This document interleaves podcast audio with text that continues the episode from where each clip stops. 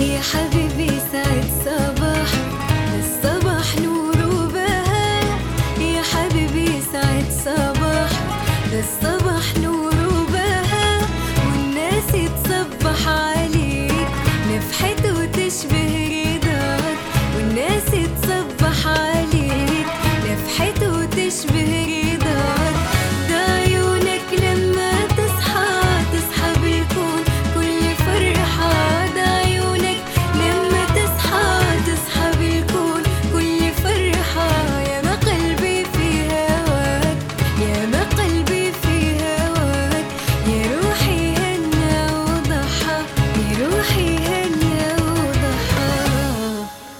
صباح, صباح الخير يا عدن.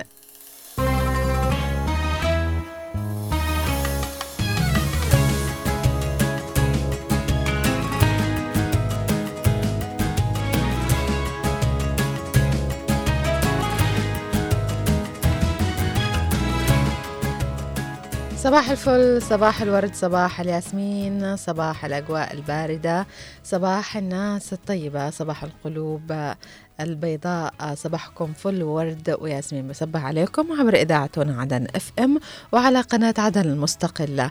آه، بصبح عليكم أتمنى لكم يوم جميل كله أمل وحب وتفاؤل.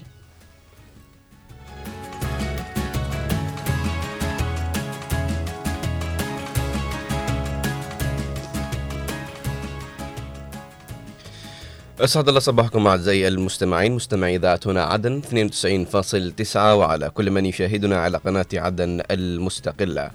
صباحكم بركة وعافية ورضا فأتمنى يا رب في بداية هذا الصباح أن تعمكم الخير والبركات وينتهي هذا اليوم بالنور والمسرات إن شاء الله. صباح القلوب التي لا تحمل الحقد على أي أحد التي تنام وهي مسلمة أمرها لله عز وجل وراضية بكل شيء كتبه الله لها وتستيقظ على اسم الله الأعظم الذي إذا دعي به أجاب وإذا سئل به أعطى. فنتمنى يا رب في هذا الصباح عفوك وعافيتك ورزقك ورضاك ورحمتك ومغفرتك وشفاك وغناك وتوفيقك وحفظك وتيسيرك وسترك وكرمك ولطفك وجنتك. يا رب اجعلنا من أهل النفوس الطاهرة والقلوب الشاكرة والوجوه المستبشرة الباسمة. وارزقنا طيب المقام وحسن الختام إن شاء الله.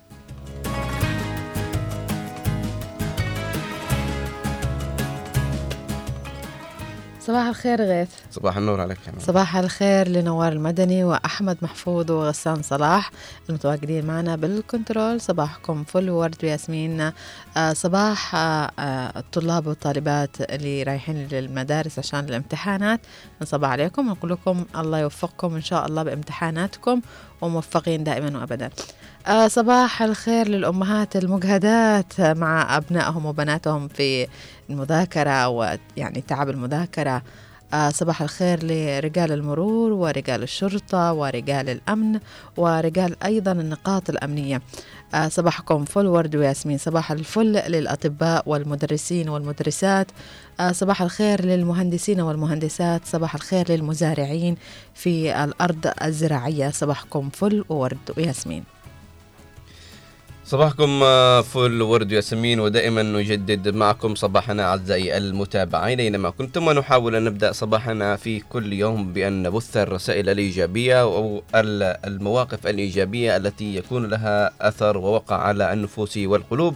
فنتمنى يا رب أن تكون قلوبكم ونفوسكم في هذا اليوم طيبة وإن شاء الله أن أن يكون حديثنا لهذا اليوم برنامج صباح الخير يا عدن فيه كثير من الفائدة ونذهب ونتنوع ونتنقل في كثير من الفقرات وتكونوا برفقتنا إن شاء الله. بإذن الله تعالى. طبعا بداية صباح جديد غيث وبداية فرصة جديدة زي ما نحن دائما نقول إنه آه، كل صباح نحن بنفتح عيوننا فيه. فهي فرصة جديدة للحياة نصلح ما أفسدناه في الأمس أو ما أكملناه في الأمس نكمله اليوم. آه، طبعا آه، بنتكلم اليوم في بداية الصباح عن شيء إيجابي أو رسالة إيجابية حابين نبثها في هذا الصباح. اللي نشي نتكلم فيه اليوم يا غيث إنه لازم الإنسان يكون آه، قوي عند الشدائد. أحيانا الإنسان ينهار وقت ما تجي له شدة. شفت آه، يعني الثبات اللي في آه، فلسطين واباء وأمهات فلسطين مهم. وحتى الأطفال يعني اللي لما تجي لهم يعني آه، شفت طفلة كانت تقول يعني كانوا يق- يداووا لها جراحة وهي جالسة تسأل فين إخواني فين أبي فين. ف ويقولوا لها الحمد قولي الحمد لله تقول الحمد لله بس الشيء طمن. فهنا نحن أحيانا نصاب بفقدان شخص عزيز على قلبنا أو كذا ولكننا نذعر ويعني نخرج عن الإطار. ليش يا ربي؟ ليش نسأل؟ ليش؟ ليش أنا اللي يستوي لي كذا؟ ليش يعني أنا آه، امتحنت بهذا الامتحان الصعب؟ فدائما دائما نخلي بالنا إنه كل امتحان صعب نمر فيه نكون أقوياء عند الشدائد آه كمان قصة النبي أيوب عليه السلام لما كان آه، يعني هو كان غني جدا. وعنده أراضي وعنده أولاد وعنده من القوة والصحة فالشيطان إبليس قال لله يعني أنا بخليه هذا ال- النبي العابد إنه يعني يكفر مم. إنه يعني يدمر فقال له أختبره شوف. فلما قتل أول حاجة ماتوا أبنائه كلهم. أول حاجة الأرض حقه. بعدين فقال الحمد لله يعني حرق له أرضه كلها وراحت كل الأرض حقه. فقال الحمد لله. بعدين انقتلوا أبنائه كلهم ماتوا مش انقتلوا ماتوا يعني قالوا كان زي الوباء وماتوا كامل. فتخيل يعني الأب أو الأم لما يموتوا أبنائهم كامل بلحظة واحدة. فكيف بيكون شعورهم؟ فقال الحمد لله. اختبروا بماله بولده وآخر اختبار كان صحته. فجلس سنين طويلة وهو يعاني لدرجة أنه كان يعني يسقط من جسمه آه، ديدان نعم. فيرجعها يقول لها ارجعي لما أمرك الله. فكان يحمد الله ويشكره. فهذا الابتلاء وما فيش صبر زي صبر أيوب. دائما نحن نقول يعني صبر أيوب ن- نقتدي في هذا الصبر. نعم. فالصبر عند الشدائد وعند البلاء يعني لازم يكون موجود. صح إن أحيانا تكون ال- الخسارة كبيرة أو الوجع عظيم. ولكن كلمة الحمد لله ورضينا بقدر بقضاء الله وقدره هي كلمة يعني قد يعني تكون الناس يقولوا انت مش بالحدث فتقولها سهلة. ولكن لما تكون ب يعني قلب الحدث فأنت تحس إنها يعني صعبة أو إنك مستحيل إنك يعني تستوعبها. ولكن لما تقول ذي الكلمة خلاص ربنا يعني يهون عليك كل شيء. أحيانا الواحد قبل ما يذهب إلى مكان أبعد أو يفكر بشيء أبعد قد يكون في ناس يثق بهم ثقه عمياء ويعتبرهم قدوته ولكن يخاب ظن فيهم. آه، ولا يعتقد إنه خلاص أصبحوا أصبحوا بالنسبة له لا شيء. بعد أن خاب ظنه فيهم أكيد يعني كانوا hero رجعوا zero. فهنا الواحد يقول ليش كذا؟ ليش تحول الأشياء هذه إلى عكس ما ما كنت أرنو إليه؟ فيبدأ يعرف الإنسان إنه مش أي واحد كان هو بجانبه بيكون بجانبه طوال عمره مم. إنه مش أي أحد كان يسانده ما بيكونش معاه طول عمره بجانبه سواء أمك أبوك صديقك صاحبك ايا يكن بالنهاية إنك آه، تصبر على الأمور اللي تحيط بك من كل حدب وصوب. لن ينجيك منها إلا أنت بأيديك وبأرجلك وبتفكيرك وبقولك وبفعلك وبعملك. أما أن تركن بقوتك إلى أحدهم أن تركن آه نفسك إلى أحد يعني كذا ولا كذا بالنهاية بيسيبك فأصبحنا الآن في هذا الزمن نفسي نفسي مثل يوم القيامة. مش منتظرين يوم القيامة عشان يجي الواحد يقول نفسي نفسي. من لا الان يعني من الآن قد هم already. already عايشين بهذا الأمر. فالإنسان إيش يسوي؟ على أنه ينتبه لنفسه قبل أي أحد آخر على أنه يعرف أنه هناك حدود لكثير من الأشياء المحيطة فيه على أنه يعرف أنه ما فيش أي أحد بيأخذ بيده. حتى صحيح. وإن أخذ بيده آه لن يكون لوجه الله. أكيد يعني لا أكيد أنا بنقذك لا أريد لا جزاء ولا شكورا. لا بالعكس. في بعضهم يكتب جزاء وشكور عشان إنهم حملوا بيد بيدك وأحيانا أنت. ما طلبتهم بس كذا يحتاجوا يسووا كذا عشان يقال إنه فلان ساعد فلان فبالنهاية الرسالة هي إنه بالصبر بتوصل للي تريده بالصبر بتوصل للي أنت تحلم فيه طالما أنت مستمر وعندك ال- الحب بالشيء اللي أنت مندفع له. يعني أنت عندك صبر إنك في يوم من الأيام بتعيش حياة كريمة بتعيش عيشة طيبة بتوصل لمراتب كويسة. أنت مثلا ناوي إنك تتزوج تكون أسرة يكون معك بيت يكون معك سيارة بسيطة متواضعة يكون معك زوجة تحبك وتحبها يكون معك أولاد تحبهم يكون أمك وأبوك راضيين عليك وأنت جالس تسوي نجاحات بسيطة كذا تفرحهم. فكل هذه الأشياء لا تأتي إلا بعد صبر وعناء. لابد إنك تذوق الأمرين ومن لا يهيب. صعود الجبال يعيش أبد الدهر بين الحف- الحفر. و لابد أنك تعرف آه ومن لم يشرب مرارا على القذى ظمئت وأي الناس تصفو مشاربه. كان زمان ما فيش أي أحد بيشرب ماء عذب ما فيش أي أحد بيحصل ماء نقي ويشرب منه. كان لابد انه يطلع لعند الجبال ويشوف ذيك ال ال في الحجار. يتجمع المياه. فيكون الماء يتجمع في عدة أماكن كذا بمناطق فيها حجار كذا فأكيد يعني قد مرت من جنب دابة وشربت منها أو فيها تراب أو فيها وتلوث. كان لابد أنه في قذى موجود بهذا الماء. وأي الناس تصفو مشاربه ما فيش أي أحد مشربه يكون آه، مبسط وسهل. أي واحد يقدر يشربه. فبالنهاية أنت بتوصل للي تريده. طالما عندك صبر. مم. وهذه رسالتنا الصباحية. نتمنى يا رب تكون وصلت قلوبكم ثم عقولكم وخلونا نذهب إلى هدية الصباح الذي سيهدينا إياها مخرجنا نوار المدني. ومن ثم نعود لكم ببرنامج صباح الخير. يا عدن.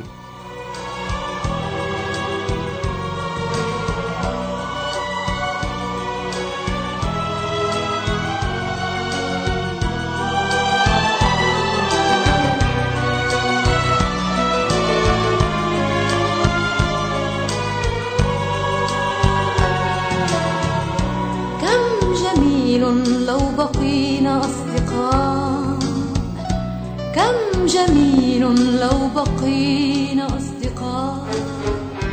إن كل امرأة تحتاج تحتاج إلى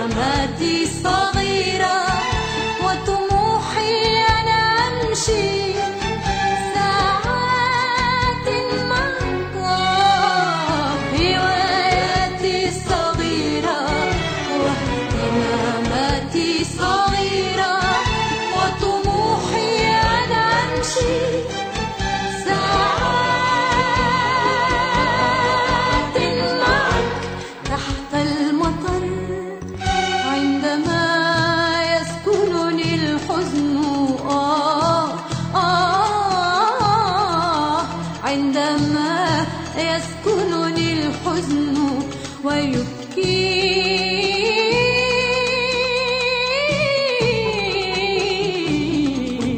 الوتر فلماذا تهتم بشكلي؟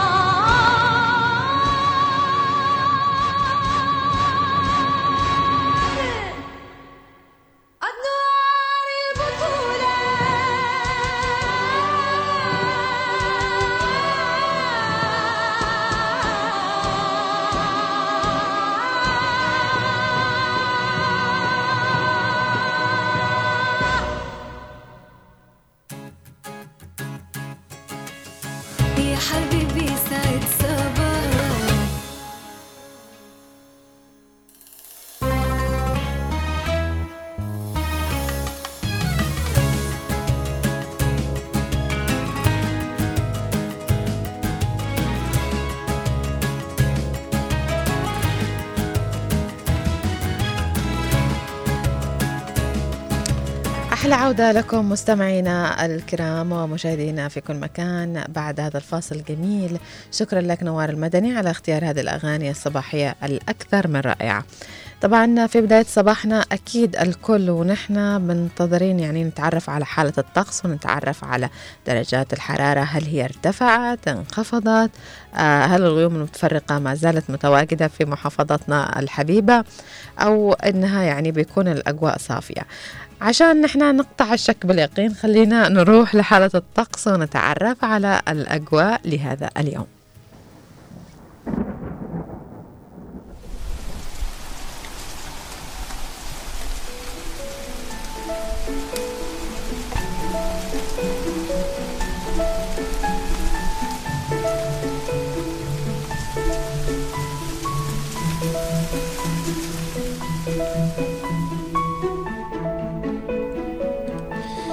وإلى حالة الطقس المتوقعة خلال ال 24 ساعة القادمة بمشيئة الله ونبدأها من لحجة. في لحج صباحا سيكون الطقس غالبا صافي ودرجة الحرارة تبدأ ب 25 درجة مئوية. ترتفع ظهرا إلى 31 مع الطقس صافي. عصرا سيكون الطقس غالبا صافي ودرجة الحرارة 30 درجة مئوية. مساء وليلا ستكون هناك غيوم متفرقة ودرجة الحرارة تتراوح ما بين 25 مساء إلى 22 ليلا وتستقر عليها. أما حالة الطقس في محافظة أبين ففي الصباح الأجواء صافية وأيضا الظهر. آه، تبدأ حالة آه، درجات الحرارة في الصباح ب 26 درجة مئوية. ترتفع ظهرا إلى 30 درجة مئوية. عصرا الأجواء غالبا صافية ودرجة الحرارة تبدأ بالانخفاض إلى 28 درجة مئوية. مساء وليلا هناك غيوم متفرقة. ودرجة الحرارة تستمر بالانخفاض إلى 26 درجة مئوية مساء وتستمر أيضا ليلا بالانخفاض وتستقر عند درجة حرارة 24 درجة مئوية.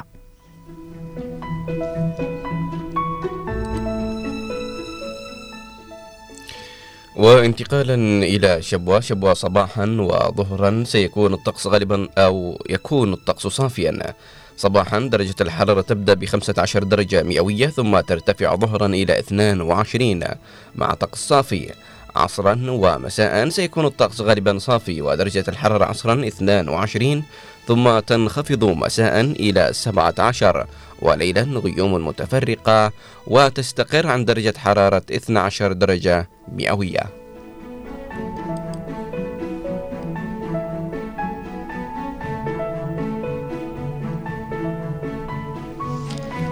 ماذا عن طقس يافا؟ ففي يافا آه، صباحا الأجواء صافية وظهرا أيضا الأجواء صافية. درجة الحرارة تبدأ في الصباح ب 15 درجة مئوية ترتفع ظهرا إلى 24 درجة مئوية. عصرا ومساء الأجواء غالبا صافية ودرجة الحرارة في العصر أيضا 24 درجة مئوية. تبدأ درجات الحرارة بالانخفاض مساء وتصل إلى 17 درجة مئوية. تنخفض ليلا مع غيوم متفرقة وتصل درجة الحرارة في الليل إلى 12 درجة مئوية.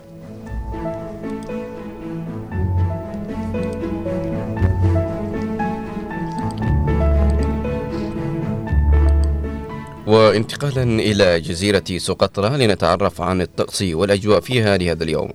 سقطرى صباحا وظهرا. سيكون الطقس غالبا غائم صباحا. درجة الحرارة تبدأ ب 21 درجة مئوية. ترتفع ظهرا إلى 23 درجة مئوية. أما عصرا ومساء وكذلك ليلا سيكون الطقس غالبا غائم مع مصاحبة بعض الأمطار الخفيفة وبعض الزخات الماطرة. عصرا درجة الحرارة تكون 22 درجة مئوية مساء وكذلك ليلا درجة الحرارة تستقر عند درجة حرارة 21 درجة مئوية. في محافظة الضالع الدرجات أو الأجواء في الصباح صافية والظهر أيضا. درجات الحرارة في الصباح تبدأ ب 15 درجة مئوية ترتفع ظهرا إلى 23 درجة مئوية. عصرا الأجواء غالبا صافية ودرجة الحرارة أيضا 23 درجة مئوية. مساء وليلا الأجواء هناك غيوم متفرقة في الأجواء ودرجة الحرارة تبدأ بالانخفاض مساء وتصل إلى 15 درجة مئوية. تستمر بالانخفاض ليلا وتصل وتستقر عند درجة حرارة 10 درجة مئوية. ومن الضالع ننتقل إلى حضرموت نتعرف عن الطقس والأجواء فيها لهذا اليوم. حضرموت هي الوحيدة من نوعها أو الفريدة اليوم إن منذ الصباح وحتى الليل مرورا بالظهر والعصر والمساء ستكون صافية طوال اليوم. درجة الحرارة صباحا تبدأ ب 20 درجة مئوية ثم ترتفع ظهرا إلى 27 وعصرا درجة الحرارة تنخفض إلى 25 مساء سيكون الطقس كذلك صافي ودرجة الحرارة 20 درجة مئوية وليلا سيكون صافي كذلك ودرجة الحرارة تستقر عن درجة حرارة 18 درجة مئوية. دعونا نذهب إلى المهرة ونتعرف على حالة الطقس هناك. ففي الصباح الأجواء صافية والظهر والعصر والمساء والليل. مش بس حضرموت الأجواء صافية من الصباح إلى الليل ولكن آه، حتى المهرة هناك آه، أجواء صافية من الصباح إلى الليل. ولكن درجات الحرارة تتفاوت ففي الصباح 17 درجة مئوية ترتفع ظهرا وعصرا إلى 25 درجة مئوية. تنخفض مساء وتصل إلى 21 درجة مئوية. تستمر بالانخفاض ليلا وتستقر عند درجة حرارة 16 درجة مئوية.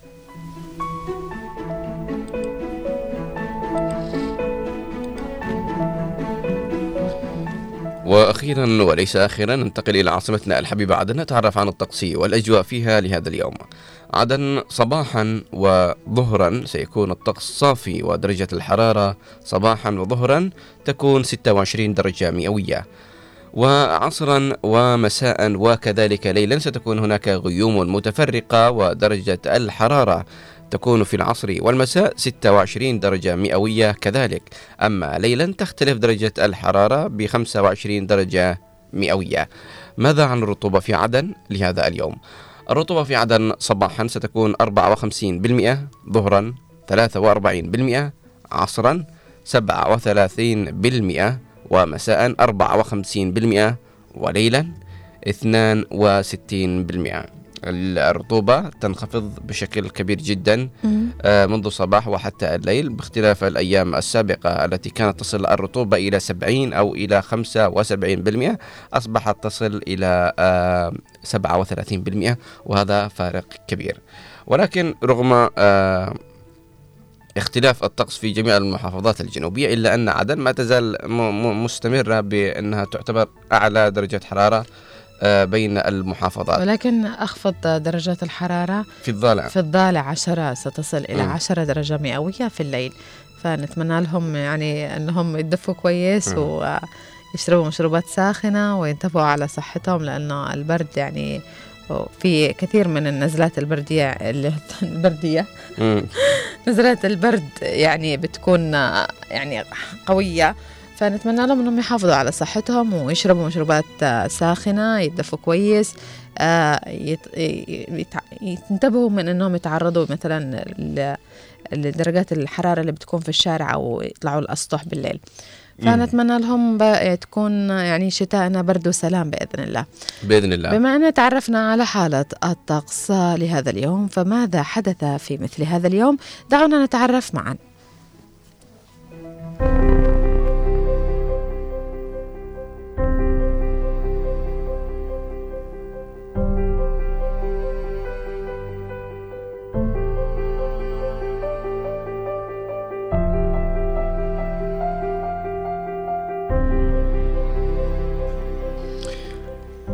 في السابع عشر من ديسمبر في مثل هذا اليوم.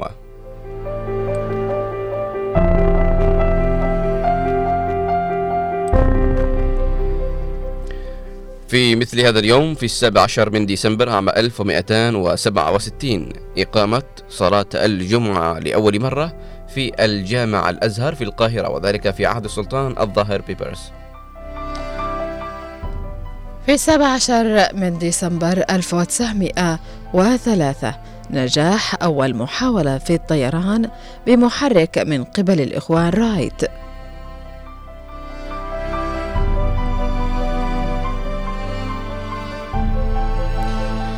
وفي مثل هذا اليوم عام 1942 المملكة المتحدة تدين المذاهب النازية ضد اليهود. وفي مثل هذا اليوم في العام 1982 افتتاح المركز الإسلامي في طوكيو.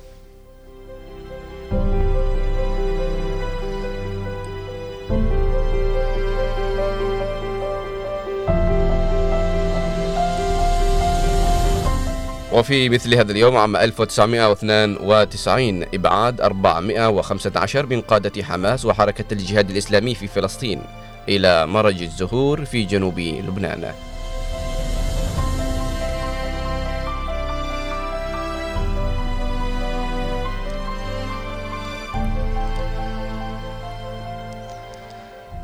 في مثل هذا اليوم في العام 2003 الرئيس الفرنسي جاك شيراك يعلن في خطاب عن قبو- قبوله لتقرير رسمي يوصي بعدم السماح للأطفال بحمل رموز دينية مثل الصلبان والحجاب الإسلامي والقلنسوات اليهودية.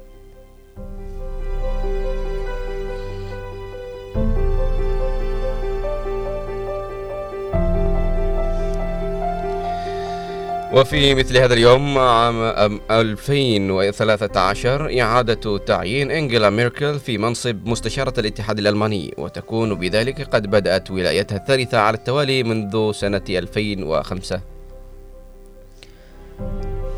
في مثل هذا اليوم في العام 2014 الولايات المتحدة وكوبا يتفقان معا على إعادة العلاقات بينهما بعد حوالي 50 سنة من قطعها.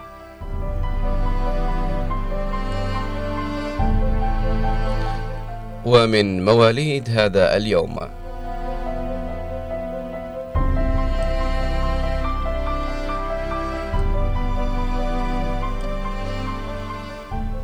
ولد في مثل هذا اليوم في العام 1797 جوزيف هنري عالم فيزياء أمريكي.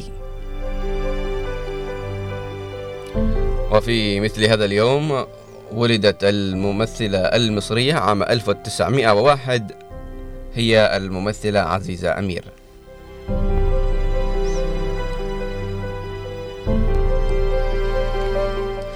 في مثل هذا اليوم في العام 1930 للميلاد ولدت الأميرة فتحية ابنة فؤاد الأول ملك مصر.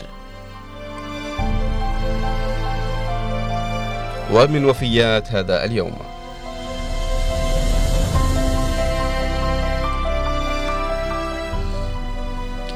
في مثل هذا اليوم في العام 1273 توفي جلال الدين الرومي أديب وفقيه ومنظر وقانوني صوفي. وفي مثل هذا اليوم عام 1847 توفيت زوجة نابليون بونابرت ودوقة بارما ماري لويز.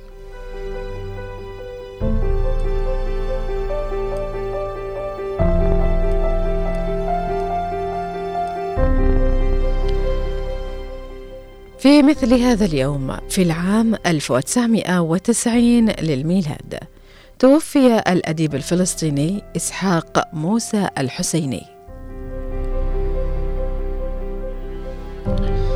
وفي مثل هذا اليوم عام 2011 توفي زعيم كوريا الشمالية كيم جونج إل.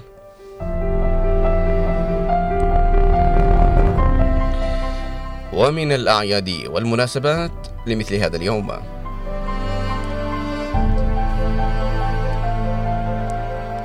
اليوم الوطني في بوتان. عيد الجلوس في البحرين. ويوم الإخوان رايت في الولايات المتحدة. يوم علم كردستان. وعيد الثورة في تونس.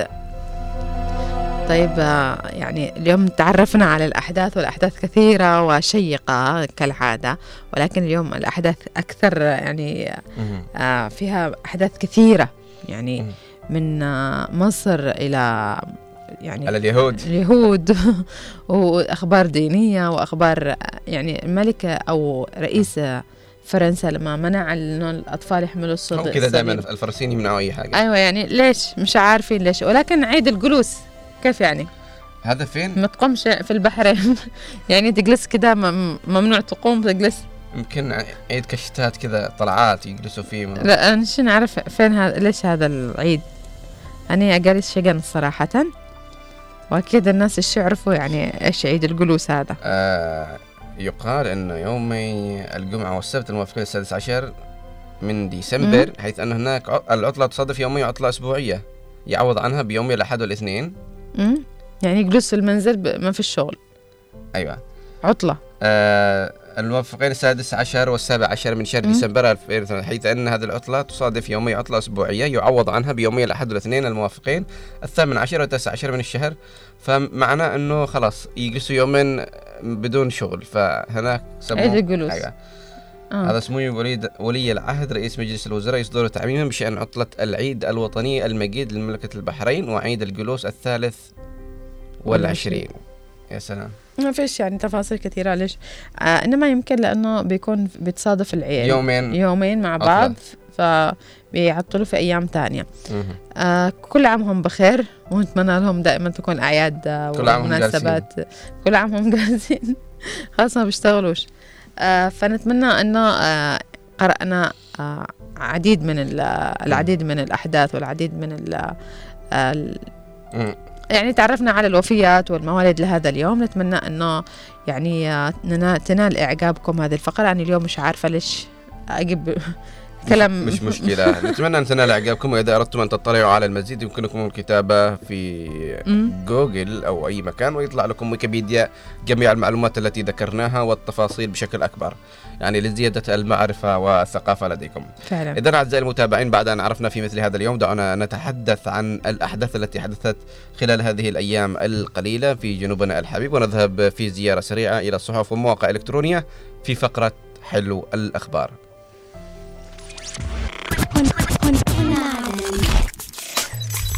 هنا عدن اف ام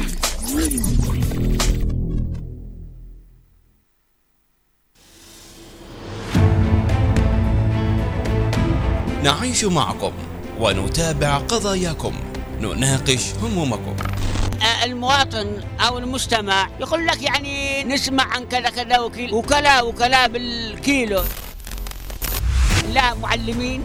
لا كتاب مدرسي الناس في ظل هذا الوضع المزري. لا خدمات لا رواتب لا معاشات. ترفعوا رسائل وما حد يقرأ رسائلكم. ال- ال- الآن اللي بيسمعوك بيقولوا هذا الكلام لا يودي ولا يقيس المستمع يعرف المستمع يعرف يعني إيش دوركم. فرسائلكم مسموعة وأينما كنتم ننقلها إلى المعنيين في برنامج وطني.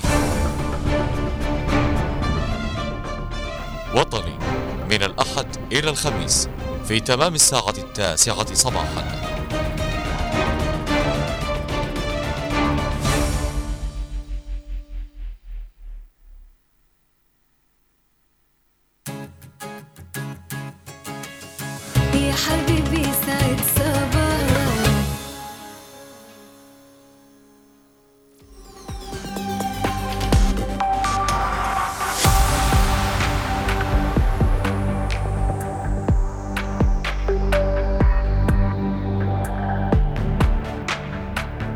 أهلا وسهلا بكم أعزائي المتابعين اينما كنتم إلى فقرة حلو الأخبار التي ناخذ بعض الأخبار الإيجابية من عدة صحف ومواقع إلكترونية.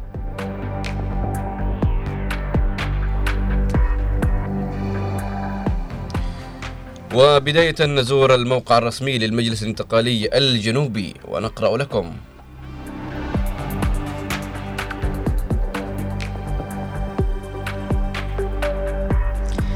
الرئيس الزبيدي ينعي أو ينعي أمير دولة الكويت سمو الشيخ نواف الأحمد الجابر الصباح.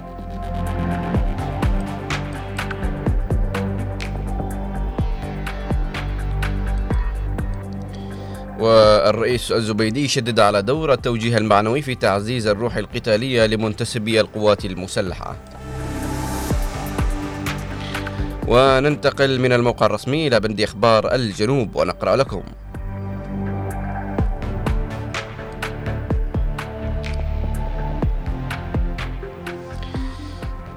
القيادة المحلية للانتقال في الوضيع وموديا وخنفر وكذلك كرش تقوم باجتماعها الدوري لشهر ديسمبر.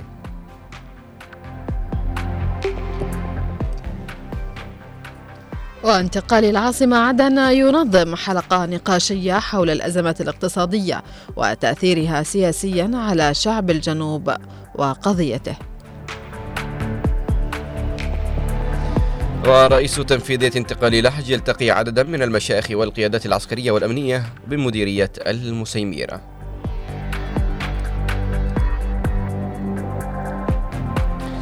وانتقالا إلى موقع وصحيفة 4 مايو وفيه نقرأ.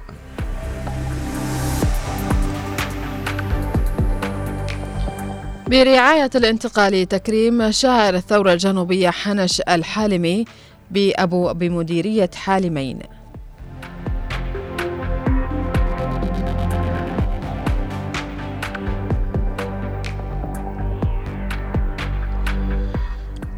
والهلال الإماراتي يعيد الحياة لفاقدي الأمل بمحافظة حضرموت.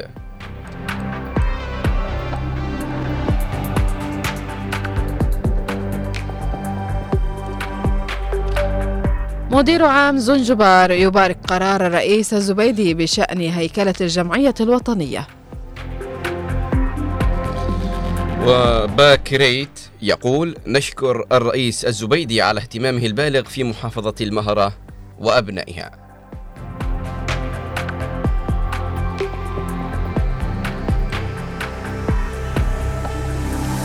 وتواصل العمل في مشروع استبدال خط المياه بمديرية المعلى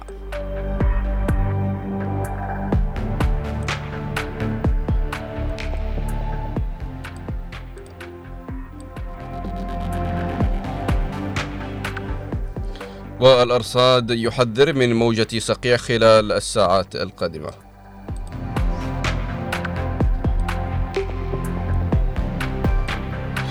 وانتقالا إلى عدن تايم وفيه نقرأ من بند أخبار عدن.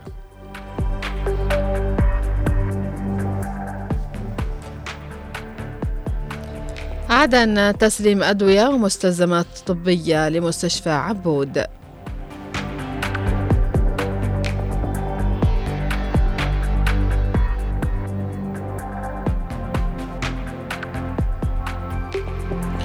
مناقشة السبل الكفيلة لوضع الحلول لمشاكل الصرف الصحي بالتواهي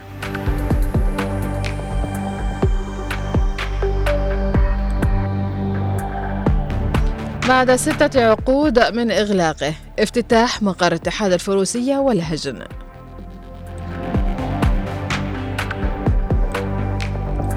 ومن عدن تام وبند أخبار آه، المحافظات نقرأ لكم.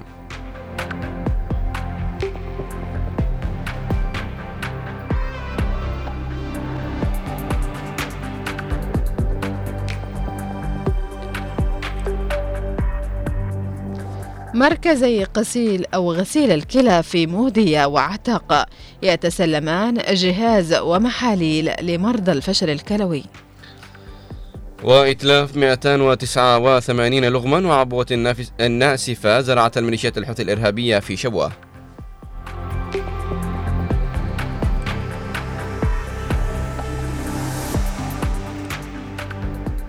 ولتعزيز دور المرأة وإيصالها إلى مواقع صنع القرار مواصلة إشهار القطاعات النسوية في لحج.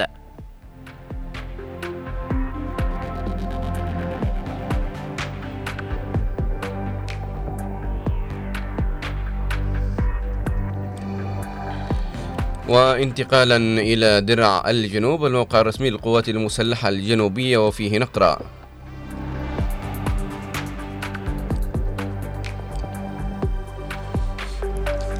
شرطة المعلى تلقي القبض على المتهم بسرقة شقة في عمارة الحرية. وأمن العاصمة عدن يلقي القبض على متهم بسرقة سيارة بمديرية دار سعادة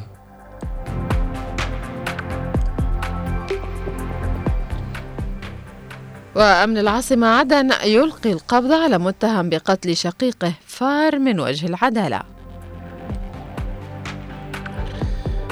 وحزام ساحل أبيان يستعيد حافلة نقل لإحدى الشركات التجارية سرقت بالخط الدولي العام.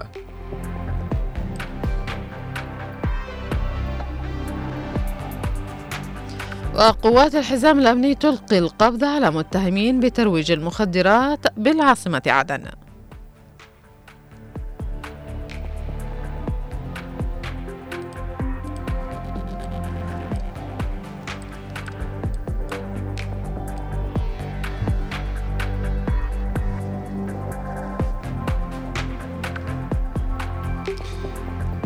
برامج التواصل الاجتماعي تطيح بلص سرقة ممتلكات مريضة من داخل شقتها بعدن.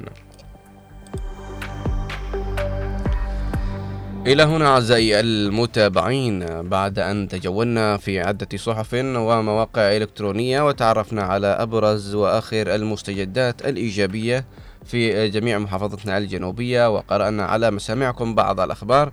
نؤكد مرة أخرى أن تأخذوا الحيطة والحذر فموجات الصقيع قد لا تكون على موعد واحد وقد تكون لربما بشكل مفاجئ فيجب أخذ الحيطة والحذر.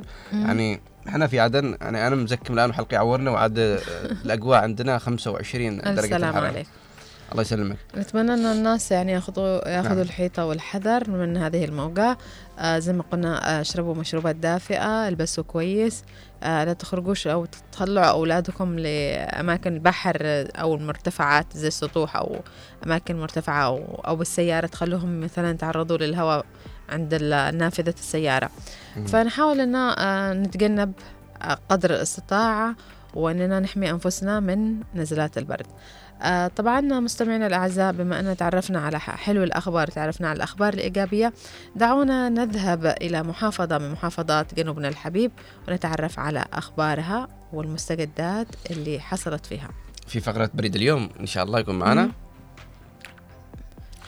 آه اذا أعزائي. المتابعين أيوه لن نذهب بعيدا دعونا نذهب إلى لحج مع مراسلنا وزميلنا الرائع. ناصر الطيري نقول يا صباح الخير يا صباح الورد لك أخي غيث وزميلتي أماني وكل صباح مستمعي السعادة. إذاعة عدن صباح السعادة صباح السعاده عليك. إن شاء الله كيف هي البرودة عندكم في لحج والله برودة قاسية يعني. بالليل قاسية وصباح الباكر قاسية والحمد لله هذه الأيام برضها الأمور طيبة من حيث الجو الطبيعي نعم. الحمد لله إيش إيش فط- فطوركم في لحق في أيام الشتاء نحن دائما نسأل ال- المراسلين في كل محافظة لهم أكلة معينة وأنتم أكيد أكلتكم معينة معروفة بس أنا مش أعرف أكثر. آه، طبعا ال- ال- الفطور في آه، اغلب مديريات المحافظة أو مديرية تعتبر مم. المحافظه ال- الخمير الحامي أيوة. والدال والفاصوليا مع الصريف يا سلام. والفول كمان. أكيد والشاي ملبن إيش مم. الدل هذا ناصر؟ عدس. عدس؟ ها ما شاء نعم الله. نعم نوع عدس نعم. مم. أنت يعني ما تعرفش الدال للاسف بنروح بناكله أنا وأنت إن شاء الله إذا طلعنا على المستجدات نعم آه، من خلال ال- ال- ملاحظتي أو متابعتي للأخبار آه،. فاخترنا مجموعة أخبار للمحافظة؟ آه، حيث اطلع فريق من دائرة الفكر والإرشاد في الامانه العامة لهيئة رئاسة المجلس الانتقالي الجنوبي على سير عمل وإدارة وأداء إدارة الفكر والإرشاد لتنفيذ انتقالي لحج وتقديم كويس وتقييم عملها للاستفادة من أي سلبيات لفقت عمل مم. آه، خلال الفترة الماضية وتفعيل الدور الرقابي لأعضاء الإرشاد الإدارات وشحذ الهمام باعتبار ذلك دافعا معنويا نحو مزيد من العمل الإداري والتنظيمي الجاد. أيضا آه، من أجل تعزيز دور المرأة في مديرية تبن وجعلها عضوا فاعلا في المجتمع وصانع القرار في مختلف المجالات دشنت إدارة المرأة والطفل آه، إشهار القطاع آه، آه، النسوي آه، صاد في آه، منطقة دار المناصرة اللي يتبقى ستة آه، أو ستة مراكز لم تستكمل إجراءاتها وهي سفيان وصبر وصبر السوق وصبر الجربة والتبة والمقيطير والصرداح. آه، قدمت إدارة أمن آه، حبيل جابر شكرها آه، وتقديرها لقيادة انتقالي المديرية وذلك على.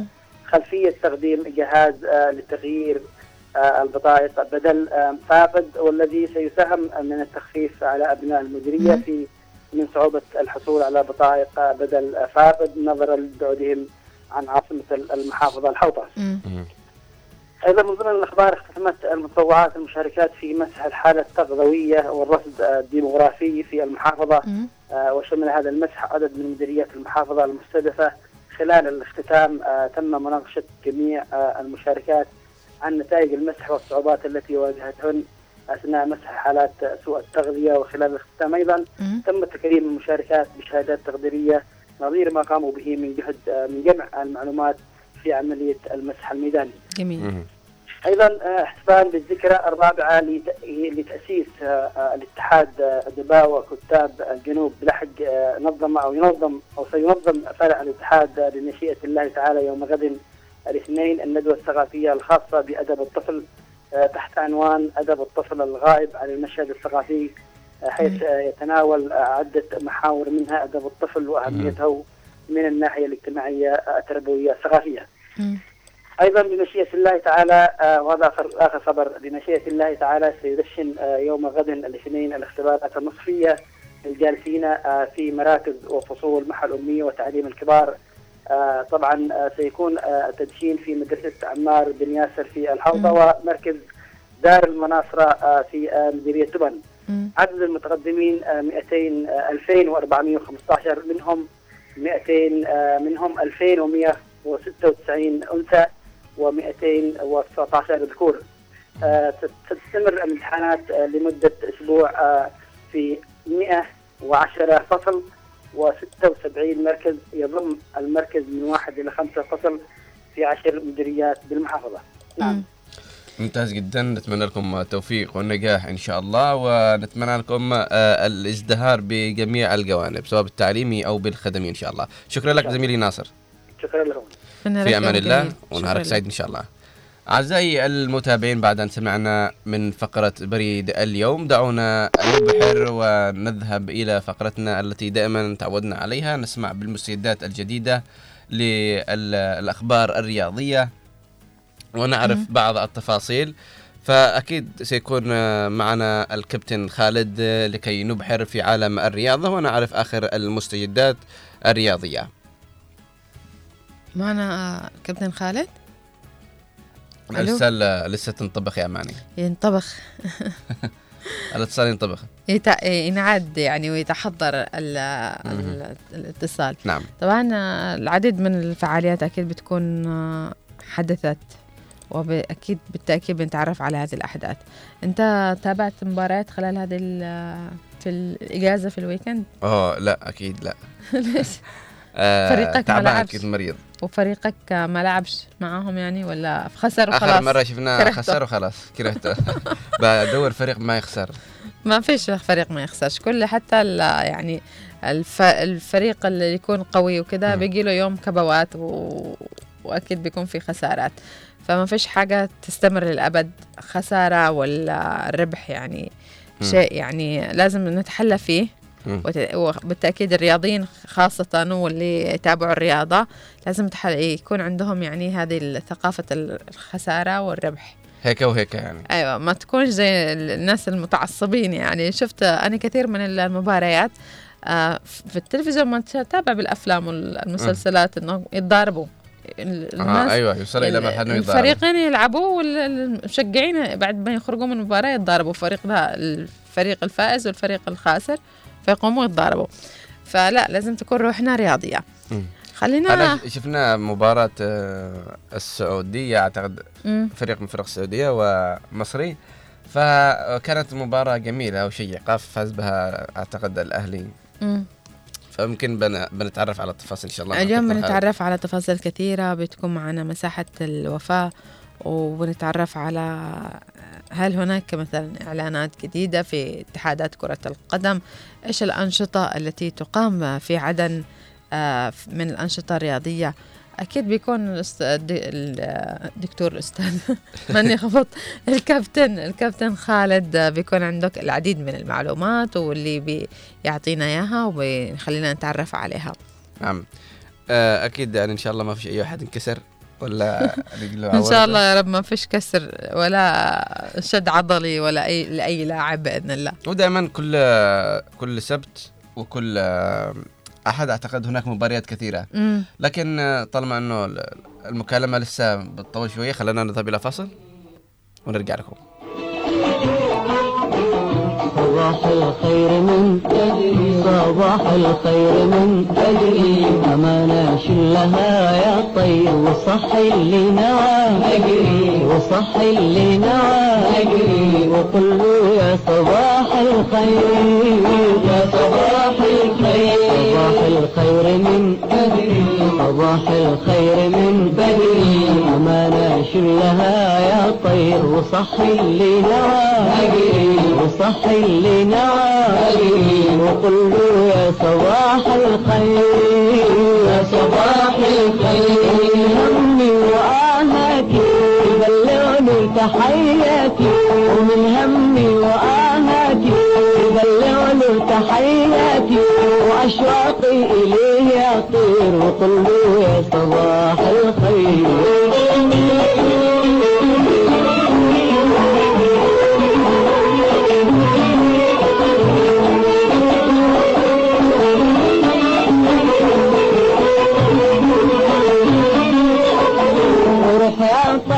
بلغ رسالة حب باقي من سنين كتبها القلب من دمع الصديق ومن حزني وشوقي والحنين. يا طير بلغ للحبيب. رسالة حب باقي من سنين. كتبها القلب من دمع الصديق ومن حزني وشوقي والحنين. وأشرح له سبب سقمي. وأوصف له ضنا جسمي.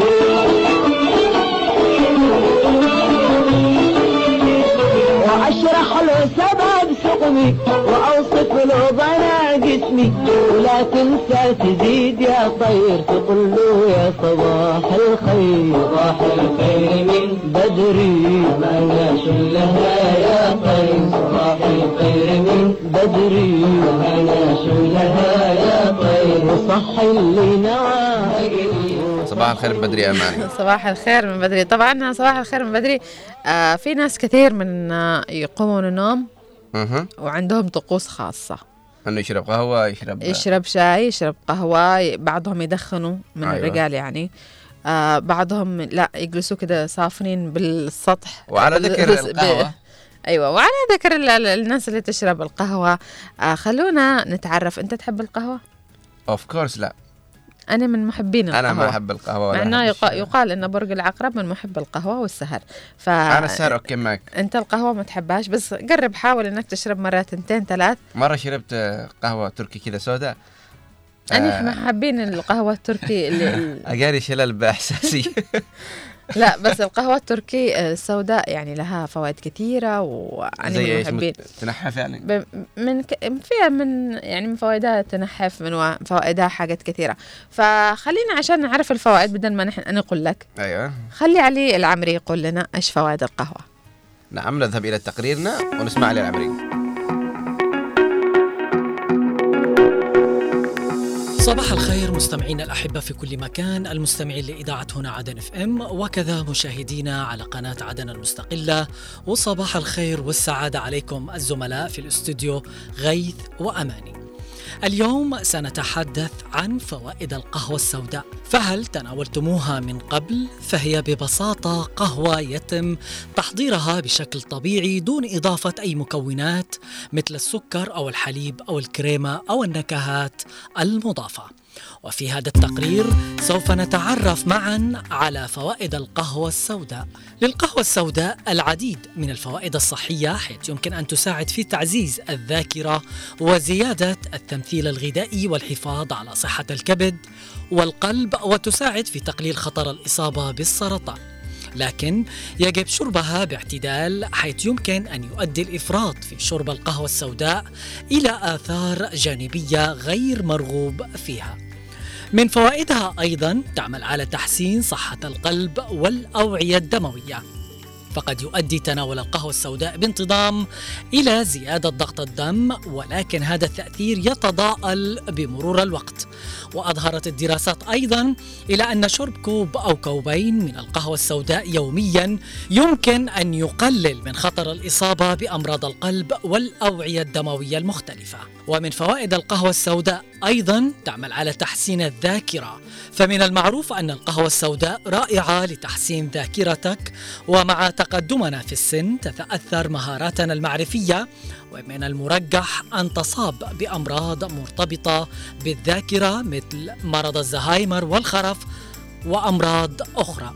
فمن فوائد القهوة السوداء أيضا مفيدة للكبد فيعد الكبد عضوا حيويا في جسمك يقوم بالعديد من الوظائف يجب أن تحافظ عليها صحية والقهوة السوداء مثالية لذلك حيث أرتبط تناول القهوة السوداء بانتظام بالوقاية من سرطان الكبد وأمراض الكبد الدهنية والتهاب الكبد وتليف الكبد الكحولي. ومن فوائد القهوة السوداء تساعد على تطهير المعدة فالقهوة من المشروبات المذرة للبول مما يعني أنه كلما زاد استهلاك القهوة السوداء زاد عدد مرات التبول.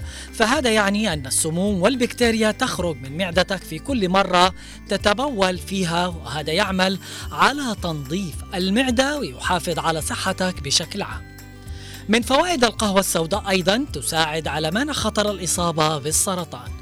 حيث أظهرت الدراسات أن استهلاك المنتظم للقهوة السوداء قد يرتبط بانخفاض خطر الإصابة بأنواع معينة مثل سرطان الكبد وسرطان الثدي وسرطان القولون والمستقيم. ومن فوائد القهوة الصحية أيضا هي غنية بمضادات الأكسدة. تعود العديد من الفوائد الصحية للقهوة السوداء إلى محتواها الغني بمضادات الأكسدة حيث توجد مضادات الأكسدة القوية مثل البوتاسيوم والمغنيسيوم وكذلك المنغنيز في القهوة السوداء. مستمعينا في الختام. هل أنتم من محبي القهوة السوداء؟ عودة للزملاء غيث وأماني للبرنامج الصباحي في الاستوديو.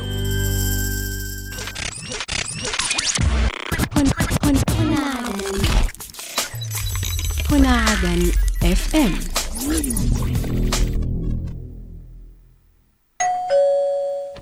هيا السلام عليكم. يا أهلا وسهلا. يا لوما ولا تسألي. فينك؟ فين الغيبة؟ ولا حد عاد يشوفك. فين اختفيتي علينا؟ والشكر الشارع العام يابا لا تدوخ بيش ما بتخرجش. اسكت. ما بتخرجش ولا بتروح مكان. وانت محروم من العواف ولا ذاك المرزوع داخل البيت. راقد 24 ساعة لا ليل وليل ولا نهار نهار. اسمعيني الآن بسألك سؤال. أربعة في ستة كم؟ يا ربي على حوشة. إيش بطبخ اليوم أني. في كل بيت موضوع وفي كل بيت مشكلة. كيف نحل هذه المواضيع وكيف نتعامل مع مشاكلنا؟ إذا خليكم معنا في من البيت وداخل. من البيت وداخل من الأحد إلى الخميس في تمام الساعة العاشرة صباحاً.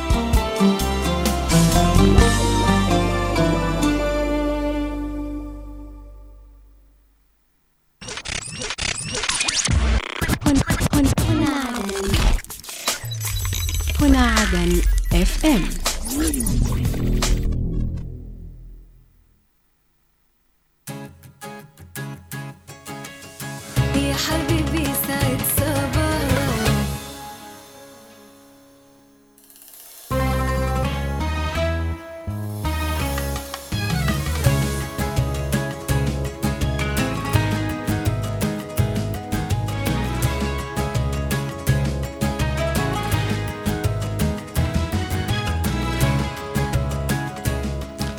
عدنا لكم مستمعينا بعد هذا التقرير آه، واللي سمعنا فيه العديد من الفوائد أو فوائد القهوة فين رحت تشرب قهوة ولا إيش؟ كنت بقول غيرت رأيك؟ كنت بقول شكرا للقهوة على تخرج علي أنا رحت أدور قهوة بس للأسف ما لقيت لا قلت ولا بتجرب ماء. قلت مم. بتجرب كيف طعم القهوة نعم. طب بعدين بعد الفاصل أنا بعمل لك قهوة إن شاء الله مش ضروري قهوة يعني من التركي في قهوة كمان حقنا أشت- ف- أشتي ماي بس تشمي بس نعم. إن شاء الله. طبعا سمعنا فوائد القهوة ونتمنى أنه يعني فدناكم بهذا منور التقرير. والآن الناس كثير اللي ما تحبش القهوة بتحاول أنها تشرب القهوة عشان الفوائد اللي فيها. ف هل ما يعني هل ما زال فرصة مع انك معنا كابتن خالد؟ هل في فرصة نكلم الكابتن خالد عشان نعرف؟ okay خليه يحاول آه، يتواصل. معه. لأنه كابتن خالد أطلعنا على ال- الأخبار أن هناك أخبار ونتائج لدوريات ومباريات. آه، لهذا اليوم في عدة دوريات. مم. وكذلك إخبار محلية ومساحة وفاء فإن شاء الله يكون معنا الكابتن خالد. إن شاء الله بإذن الله. طبعا آه، كثير من ال- الأحداث أنا الآن قرأت الأخبار الرياضية فحرام حرام إنها تروح يعني بدل ما أيوة، ما نسيش نتهبش بهنا ما نسيش فنطلعهم بشكل سيء. إضافة خلينا على بال إنه ما يتواصل معون نذكرهم إنه معنا موضوع اليوم بيكون آه، موضوع شوية حلو, حلو وحبوب. بنتحدث عن بعض المستجدات. إيش إيش كنت بتسألين؟ بقول لك إيش الموضوع اليوم؟ والله؟ والله. مع إني اللي عدت السكريبت. آه، okay يا أماني. مو آه، أكيد معنا مبادرة قامت. أكيد دائما إحنا نخصص إنه يوم السبت أو الأحد أقصد نتحدث عن أشياء كذا مم. كويسة شبابية مبادرة أو- شبابية حاجات فأكيد معنا مبادرة اليوم بنعرف عن مستجداتها ونعرف عن الأشياء التي مم. قامت بها في خدمة كثير من الناس آه، ما بنذكرش اسمها لكن فيما بعد سنذكر اسمها هي مبادرة يعني مم.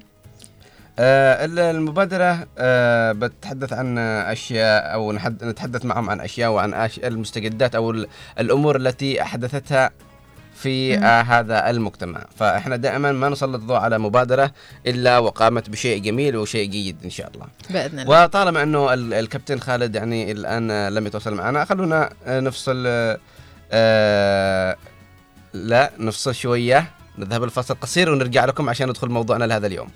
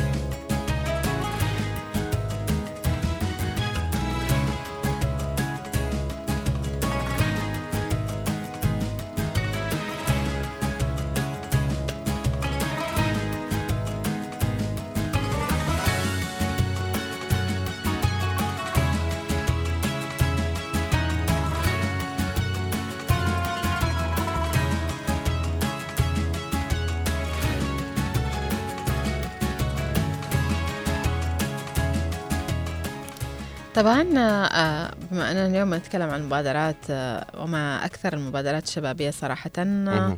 خاصه في هذه ال- الآونة يعني في السنوات الأخيرة كثرت المبادرات ليش الشبابيه سميت بمبادرات؟ مبادرة لأنها ما تكونش يعني ربحية. آه تكون يعني من مج- مجموعة شباب يعني ما فيش معاهم مؤسسة ما فيش حد يدعمهم. فهم بيحاولوا إنهم يجمعوا آه، مبلغ أو آه، المع- المعونة اللي يع- يعطوها للناس أو المبادرة اللي بيعملوها مثلا تنظيف شارع. فهم بيقوموا هم اللي بيحفزوا الناس عشان إنهم يبادروا بالعمل. فهم المبادرين. فالمبادرة من آه، يعني إنها حد بادر بعمل شيء غير ربحي. فنتمنى إنهم يعني تكثر هذه المبادرات صراحة نحن نحتاج هذه المبادرات. لو كان يعني آه، الكل يتعاون فيما بينه وكل واحد يتفقد جاره وكل واحد ينظر إلى المحتاج كان ما بنحتاج نسمع عن هذه المبادرات. كان كل الناس بيكونوا يعتبروا مبادرات بش- بشكل عام. فللأسف فعشان كذا المبادرات أجت عشان إنها تعلم الناس كيف إنهم يسووا أشياء لوجه الله الكريم.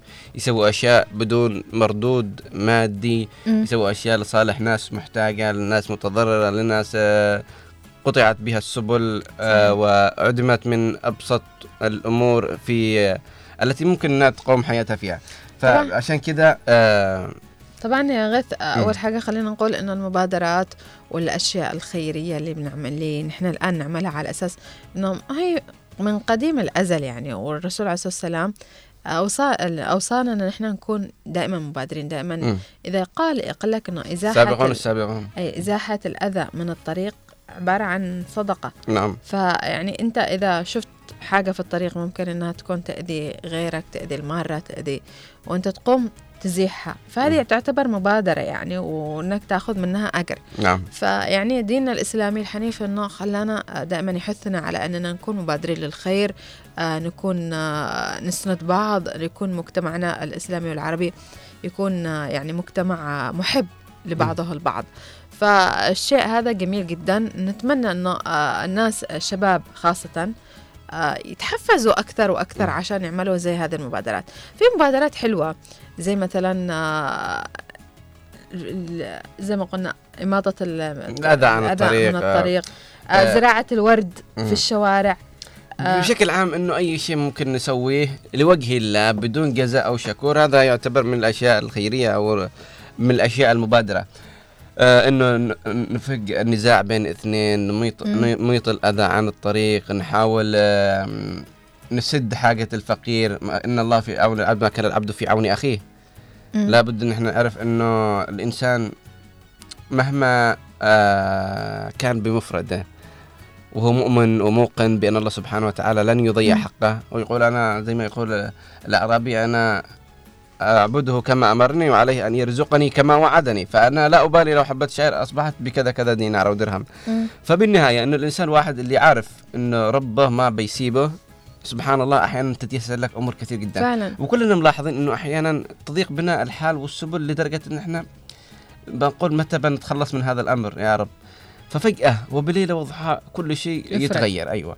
كلما ضاقت بالنهاية تلاقي الفرج. من ربنا سبحانه وتعالى فالناس اللي سووا هذه المبادرات هم عارفين معنى الشدائد عارفين معنى أن الشخص يكون محتاج آه محتاج أن شخص يساعده أو يعينه أو يعوله أو على الأقل أحيانا بعضهم مش محتاجين أي شيء غير أنك تدله تقول له هذه طريقة أنك تمشي وتسوي صحيح. تفعل كذا كذا أعطي له بس الإشارة أو أيوة. الضوء عشان إنه هو يكمل فعشان إنك أنت بس أعطيت إشارة أو ضوء أو إنك يعني أعطيت أمل لشخص مات فيه الأمل مم. هذا عبارة عن مبادرة كبيرة يعني وخير كبير أنت عملته وأنت مش عارف أحيانا إحنا بنعمل حاجات ونحن مش عارفين إنها خير أصلا يعني كده من دا يعني فطرتنا okay من الفطرة مم. يعني أنا ممكن أنا لما بشوفك أنت تعبان أول شيء بطمن عليك بجيب لك مم. قلص مي أعطي لك حبة بنادول دي مبادرة الله. يحفظك فيعني آه، جبت لك أول قلص شاهي أو شفتك بعدين مش تجيب لي. coffee إن شاء الله. وإن شاء الله بعدين ما أجيب لك اذا. عشان نتكلم بموضوع بشكل أكبر بيكون معنا الأستاذة فاطمة نور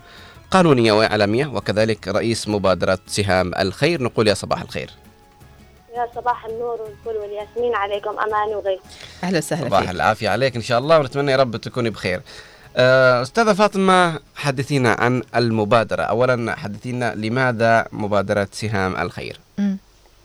اولا آه، سهام الخير سميتها على اسم الوالد الله يرحمه. آه وبنفس الوقت له معنى إنه سهام دائما يطلق الشخص آه عبر الرمح إلى الهدف اللي هو. حابب يوصل له. حلو. فسهام الخير دي اسم مميز وكذلك الفكرة كانت مميزة مختلفة تماما عن بقية المبادرات.